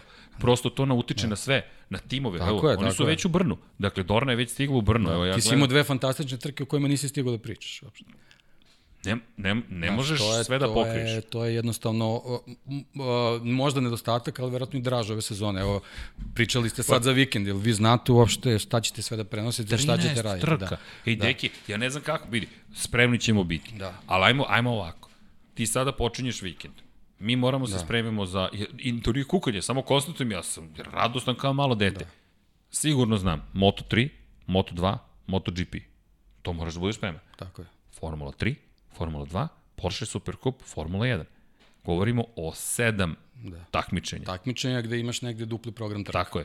Formula 3 još jedna trka, Formula 2 još jedna trka. Devet da. trka. Zagarantovano ih prenosimo da. i naš kolega Denis, koji će prenositi DTM1, DTM2 i NASCAR 1, NASCAR da. 2. Inače, mi bismo bili na, ne, o, 14 trka, ja se izvinjam, ne da. znam kako sam, ne, 13, dodao sam, da. 4 sa onaj gde 13 trka spremiti se za sve to je psihički zahtevno. Dakle, mi to obožavamo. Tako je, ja ću pokušati samo da ispratim trke, znači ne pripremam se na način kako ne, se vi pripremate, moramo da naravno. se pripremamo. Ja ću pokušati da ispratim sve te trke, plus ajde malo ću da zlo, zloupotrebimo ovaj, ovu priliku o, da najavim čisto zato što Molim ovaj te. radi sa našim čovekom Miloš Molim. Pavlović za vikend kreće sa Lamborghini Super trofeom. Ovaj hoćemo nekako da da da da da nam dođe u studiju. Ako, je, ako uspe da Molim da dođe te. do Srbije, pokušat ćemo Molim. da uradimo i to sve. Znači, on kreće u šampionat, ponovo vozi za Target Racing. Sa Target Racingom je 2002. bio šampion Formule 3 gde je dobio super licencu za Formulu 1. Oni su ga zvali, znači na, njegovi, na njihovu inicijativu. Samo naš spominjemo ga. Da, da, pošto je, da, pošto je drugi šampionat bio u planu ove godine, naravno sve propalo zbog COVID-a, Ovo, on je naravno mislio da ove godine neće biti od šampionata ništa, mislim, pomirio se s takvom situacijom, ali eto, jednostavno desilo se ovo što je sjajna prilika, ali bukvalno su šampionske ambicije u igri. Znaš šta mi pada na pamet? Ok, vidi, živimo u vremenu Zuma. Ajmo da makar Zoom e, iz više razloga. Jedan je ajde krenut ću od sebičnih razloga. Želim da vidimo Miloša Pavlovića da, ovde, da, dakle da. u studiju, imali smo to, pazi, Đoković nam je bio ovde. Između ostalog, Novak Đoković ima, e da moraš da se potpišeš na zid. Uhu, Ona, to volim. Dakle, ne, ne, ne, na zid, znaš koliko super, ljudi se ovdje ispotpisivalo. Spominje Đoković, ali to nije fair. Da. Mnogo igrača. Ovo je vaš igrača. Penny Lane zid. Tako je. Deset Paul McCartney potpisao. Tako je, tako je, vidi. Da. Ovde se mnogo ljudi potpisalo. Dakle, kada, kada govorimo o podkapicom, podcastu Waterpolo, izvini, evo Vanja, ko nam sve nije bio? Dakle, ekskluzivu smo ovdje imali Deki Savić koji potvrdio da će, biti, da će dalje biti da. nacionalni selektor reprezentacije Srbije. Imaš Andriju Prlinovića koji je otvorio da, studiju. Da, pratio sam. Sjajno Andrija, pozdravljam ga ovom prilikom. Sjajan, samo, sjajan lik, bio sam kod njega god. prošle godine u Solnuku, za sport smo pravili ovaj, čitavu priču, znači sve što je rekao, i dan danas, znači njegov intervju od pre godinu dana možeš da preslikaš danas sjajan das. Ja ne znam, das. i to je ono što je lepota upoznamo. Ajmo da, da upoznamo i Miloša na, na da. jedan novi način. Kada bude baš bio ovde, ja se nadam da, da će biti u pa, studiju. Prilično je rasprodato, ovaj, vidjet ćeš kalendar trka, ovaj, ali kad dođe trenutak. Prvom prilikom kad dođe u Srbiju. Kad dođe trenutak. Znaš zašto? I Žao da mi je, ove Miloš. godine nam je bila ideja na sajmu automobilu u Beogradu, upravo taj super trofeo, evo, novi, novu generaciju dotaramo, međutim, Biće. Desilo se ono što se nije desilo. Da, tako je, tako je. tako da, a, ali, ovaj, a drugi razlog da. je, hoću da pričamo o Milošu. Da. o njegovoj karijeri. Da. To je bogata karijera. Karijera o kojoj se možda čak ni ne zna dovoljno. Pa ja mislim da da.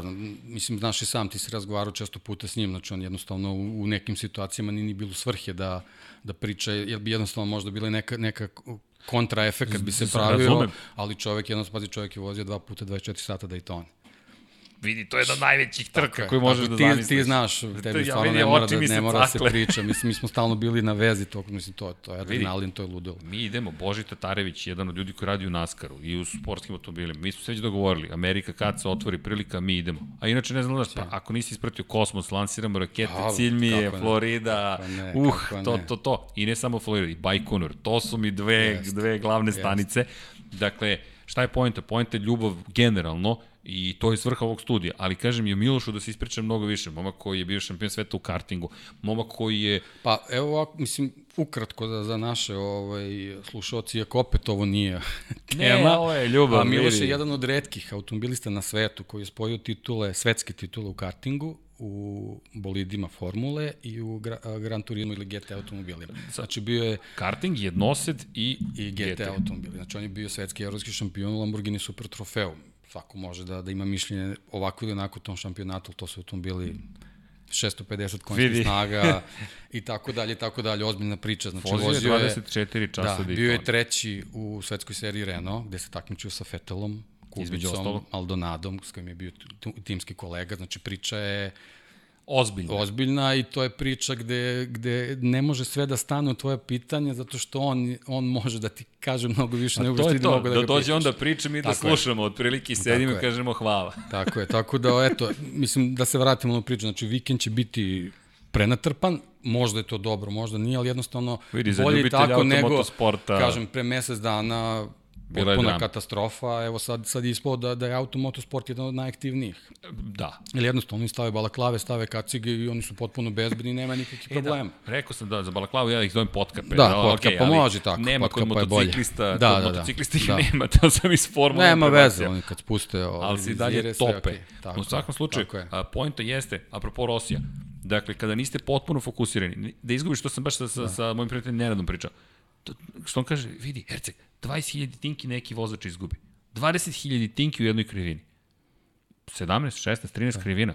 Eto ti dve i po desetinke. Znaš kako, ja sam uveren, on, on, on sigurno ima, ima dobru proceduru ovaj, u trkačkom vikendu, ali jednostavno verujem da, na primjer, sat vremena pre trke, on, je, on toliko informacija ima u glavi da je jednostavno nemoguće se fokus. koncentrisati na način fokus. kako se recimo pre 15 godina radi. Fokus. Pa, verujem da radi je... suprotno, izvini onome što će reći svojim vozačima.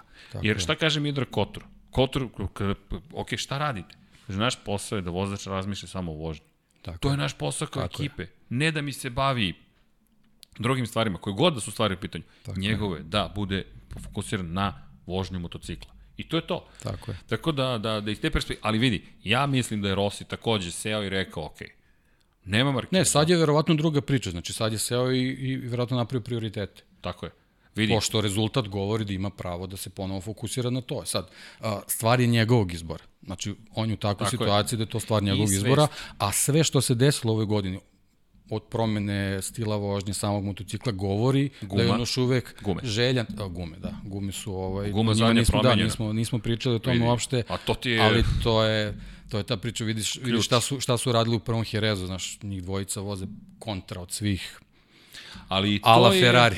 ali vidi, ali Vinjales da. stigao do kraja. Jeste, jeste, ali stigao je do kraja, ali bez mogućnosti da, I, da uradi nešto. Možda i do toga. Ali zamisli da ti se isplatilo. Znaš, Tako to je. je ta sezona Tako gde ćeš Ali možda bi onda bila greška u drugoj trci. Teško Ko, je sad to, mislim, to su sad ti neki detalji, to što kažeš, to je ta podatak. desetinka u krugu, ali sve, sve to treba ali, sabrati ali to je lepota svetskog tako prvenstva. Je, ali je. samo kažem, šesti je trenutno, znaš, tu se otvaraju razne stvari. I, i, i ajde, Morbidelli smo spomenuli deseti, držimo u Ključno je osvajati bode u svakoj trci. Nažalost ima taj peh u prvoj, ali ključno osvajati bodove u svakoj trci i trku po trku. Ja ne znam, mi ćemo za par dana znati tačan kalendar. Još se ne da, znali. Čeka se treća Valencija. Ali da, trka je 14, čini mi se čekamo 15, ili tako? Čekamo tako, još jednu Valenciju, imamo znači, veliku nagradu. A, niža kategorija, to će biti 16. trka. Tako to je puna sezona. To je prava Nije onih 20, sezona. ali pre par godina to je bila puna sezona. Tako je. I ko zna šta bismo tako još je. mogli da dobijemo u celoj ovoj priči. Jer du, godina je, koliko god je kratka je duga. Tako to je jedino da... malo nezgodno, to dodavanje trke, jer tu već ne postoje taktike i strategije, jer ti jednostavno ne znaš kada će se sezona završiti. Ali, Mač sa dve ostrice, ali iz naše perspektive mi navijamo za to, naravno. u novoj, no, no, ne, ne, ja ne želim da zovem ovo novom normalnošću, novom erom. Da. Živimo u jednom vanrednom, u jednoj da. vanrednoj situaciji, i želim da verujem da će proći. Sport ovome mora da se prilagodi, mislim, to je to, izgleda automotosport se prilično dobro prilagodio cijeloj situaciji. to je meni super. Naravno, svi oni trpe gubitke velike. Ogromne. Jedno je, jedno je voziti Ogromne. s publikom. Uh, i, I dobra je stvar što se prijavljuju uh, staze koje hoće da organizuju stvari, da ne sigurno imaju neke troškove. Naravno, Istanbul kompenz, za Formula 1. Kompenzuju oni TV pravima i, i tako dalje, ali jednostavno to je jako veliko ulaganje da znaš da ti niko neće doći na stazu. Pa vidi, i za nas kao televiziju, pričamo sport klubu, Ako mi nemamo sve što smo platili ugovorom, mi nismo dobili ono što je predviđeno ugovorom i ti sad imaš Dornu i ostale koji su spremni da kažu čekaj, čekaj, čekaj, čekaj, čekaj, čekaj, čekaj, izgubili smo publiku, ne možemo da izgubimo i televiziju, izgubit ćemo i tu publiku. Dakle, izgubit ćemo ugovore. Šta je jedno od, od vidi, i ti ja smo osetili, što iz pisanih, što iz elektronskih medija, što iz televizijskih medija. Televizija je u posebnoj položaju. Dakle, i, i to nije zato što sam sad ja nešto uradio posebno. Dakle, želim da verujem da, da jesam neke stvari radio kako, baš kako treba, ali budimo realni, dok sam pisao za pisane medije, gospodin Erceg, ovo su vaša prava i mogućnosti i tu se završavaju. Televizija, i tu su meni vrlo lepo objasnili ljudi koji su u prodaj TV prava. Vidi, vi nama plaćate da emitujete nešto. A kada ste štampani mediji, vi nama ne plaćate ništa. Tako da odjednom ti se otvaraju neka vrata koje da. ranije da. nemaš. I taj odnos s televizijom je mnogo važan još uvek. Vidjet ćemo naravno kako će se razvijeti dalje i tržište, over the top television preko interneta i tako dalje. I tu se stvari menjaju, ali ti trenutno publiku kopuješ tako što sarađuješ sa televizijom. Mislim, čisto da se da, razumemo, da, jasno, to, to, to, jasno. jer sad zamisli sad ugovor. Aha, pa koju prekršaju ugovora? Advokati, verujem, i zarađuju trenutno da. ozbiljne količine novca. Ali, otvaram još neku duboku da, da, temu. Da, da. Dakle, čak ne govorim nešto što se ne zna, ali prosto oni moraju da isporuče svoj takozvani proizvod i to sad utiče na sve. Da se samo kratko vratim na, na, na, na, na, na, na to da, da, da, da sezona je potpuno nestvarna. A pazi, nismo spomenuli ni, ni Apriliju. KTM smo do nekle da. obradili ko je propustio prilike. Dakle, Pole Spargaro, verujem da može mnogo toga, Brad Binder takođe. Iker Lekona da uči i Miguel on Oliveira. Ima, da, on, on je tu momak koji je ono simpatičan i svima pokazuje, mislim, ne, pokazuje. nema šta sjajan vozač, samo jednostavno njemu treba vreme. I, i, I još jedna to. bitna stvar, izvini, a to ti je da, da, da ne smeju više autodestrukciju da imaju. Brad Binder izbacio Miguel Oliveira sa staze. Da.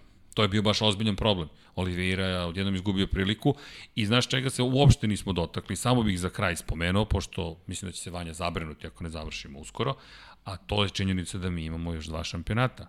Moto 2 i Tako Moto je. 3. Tako je. Tecuta Nagashima vodi ispred Eneje Bastianinija. Dva poena prednosti ima Tecuta, jednu pobedu na drugo mesto i onaj... Ma što se tiče oba šampionata, da skratim, mislim, ja to stvarno ne bih nikog mogao da izvojim, jednostavno, Pogledaj. mislim, svedoci smo kako se te trke... Luka odvijaju... Marini, Ne, ne, Aron Kane, debitant pa, je koga četvrti. God, koga god da spomeneš, ja ću reći, e da. Va, Jorge Martin, Lorenzo e, da. Baltasar. Znaš, ja samo da. hoću da ispuštujem da. i te momke. Ja zaista mislim da, ali čujte. Ma, pazi, možeš da pročitaš uh, poredak do, do 15 vozača, 15. ćeš moći da, da staviš bar, bar kao Tako konkurenta je. za podijum, ako pa, ništa drugo. Evo, samo da, da ispuštujemo da... Albert Arenas, Tatsuki Suzuki, John McPhee. To su vodeće trojica. Ajo Gura je tu u igri, Gabriel svi su u igri. Svi su igri. Vidi, deki, biće, biće fenomenalno. Pri tom, trka... pri tom Brno je staza... Ka, koliko voliš Brno? Da. Ja ga obožavam. A, meni, meni je Brno sjajan pre svega što je to staza koja, koja ne, nije promene nikakve doživela. Meni je, meni je to potrebe. fascinantno. Nema potrebe. Znaš, te, tebi, uh, ajde, ne vozi se Formula 1, znamo šta su radili s nekim stazama i to sve, ali uh, ti imaš neki vrhunski šampionat kakav je MotoGP gde niko nije imao potrebu da da jedan ivičnjak pomeri. Meni je to fascinantno. Od, od 87. Da. Od 87. Da.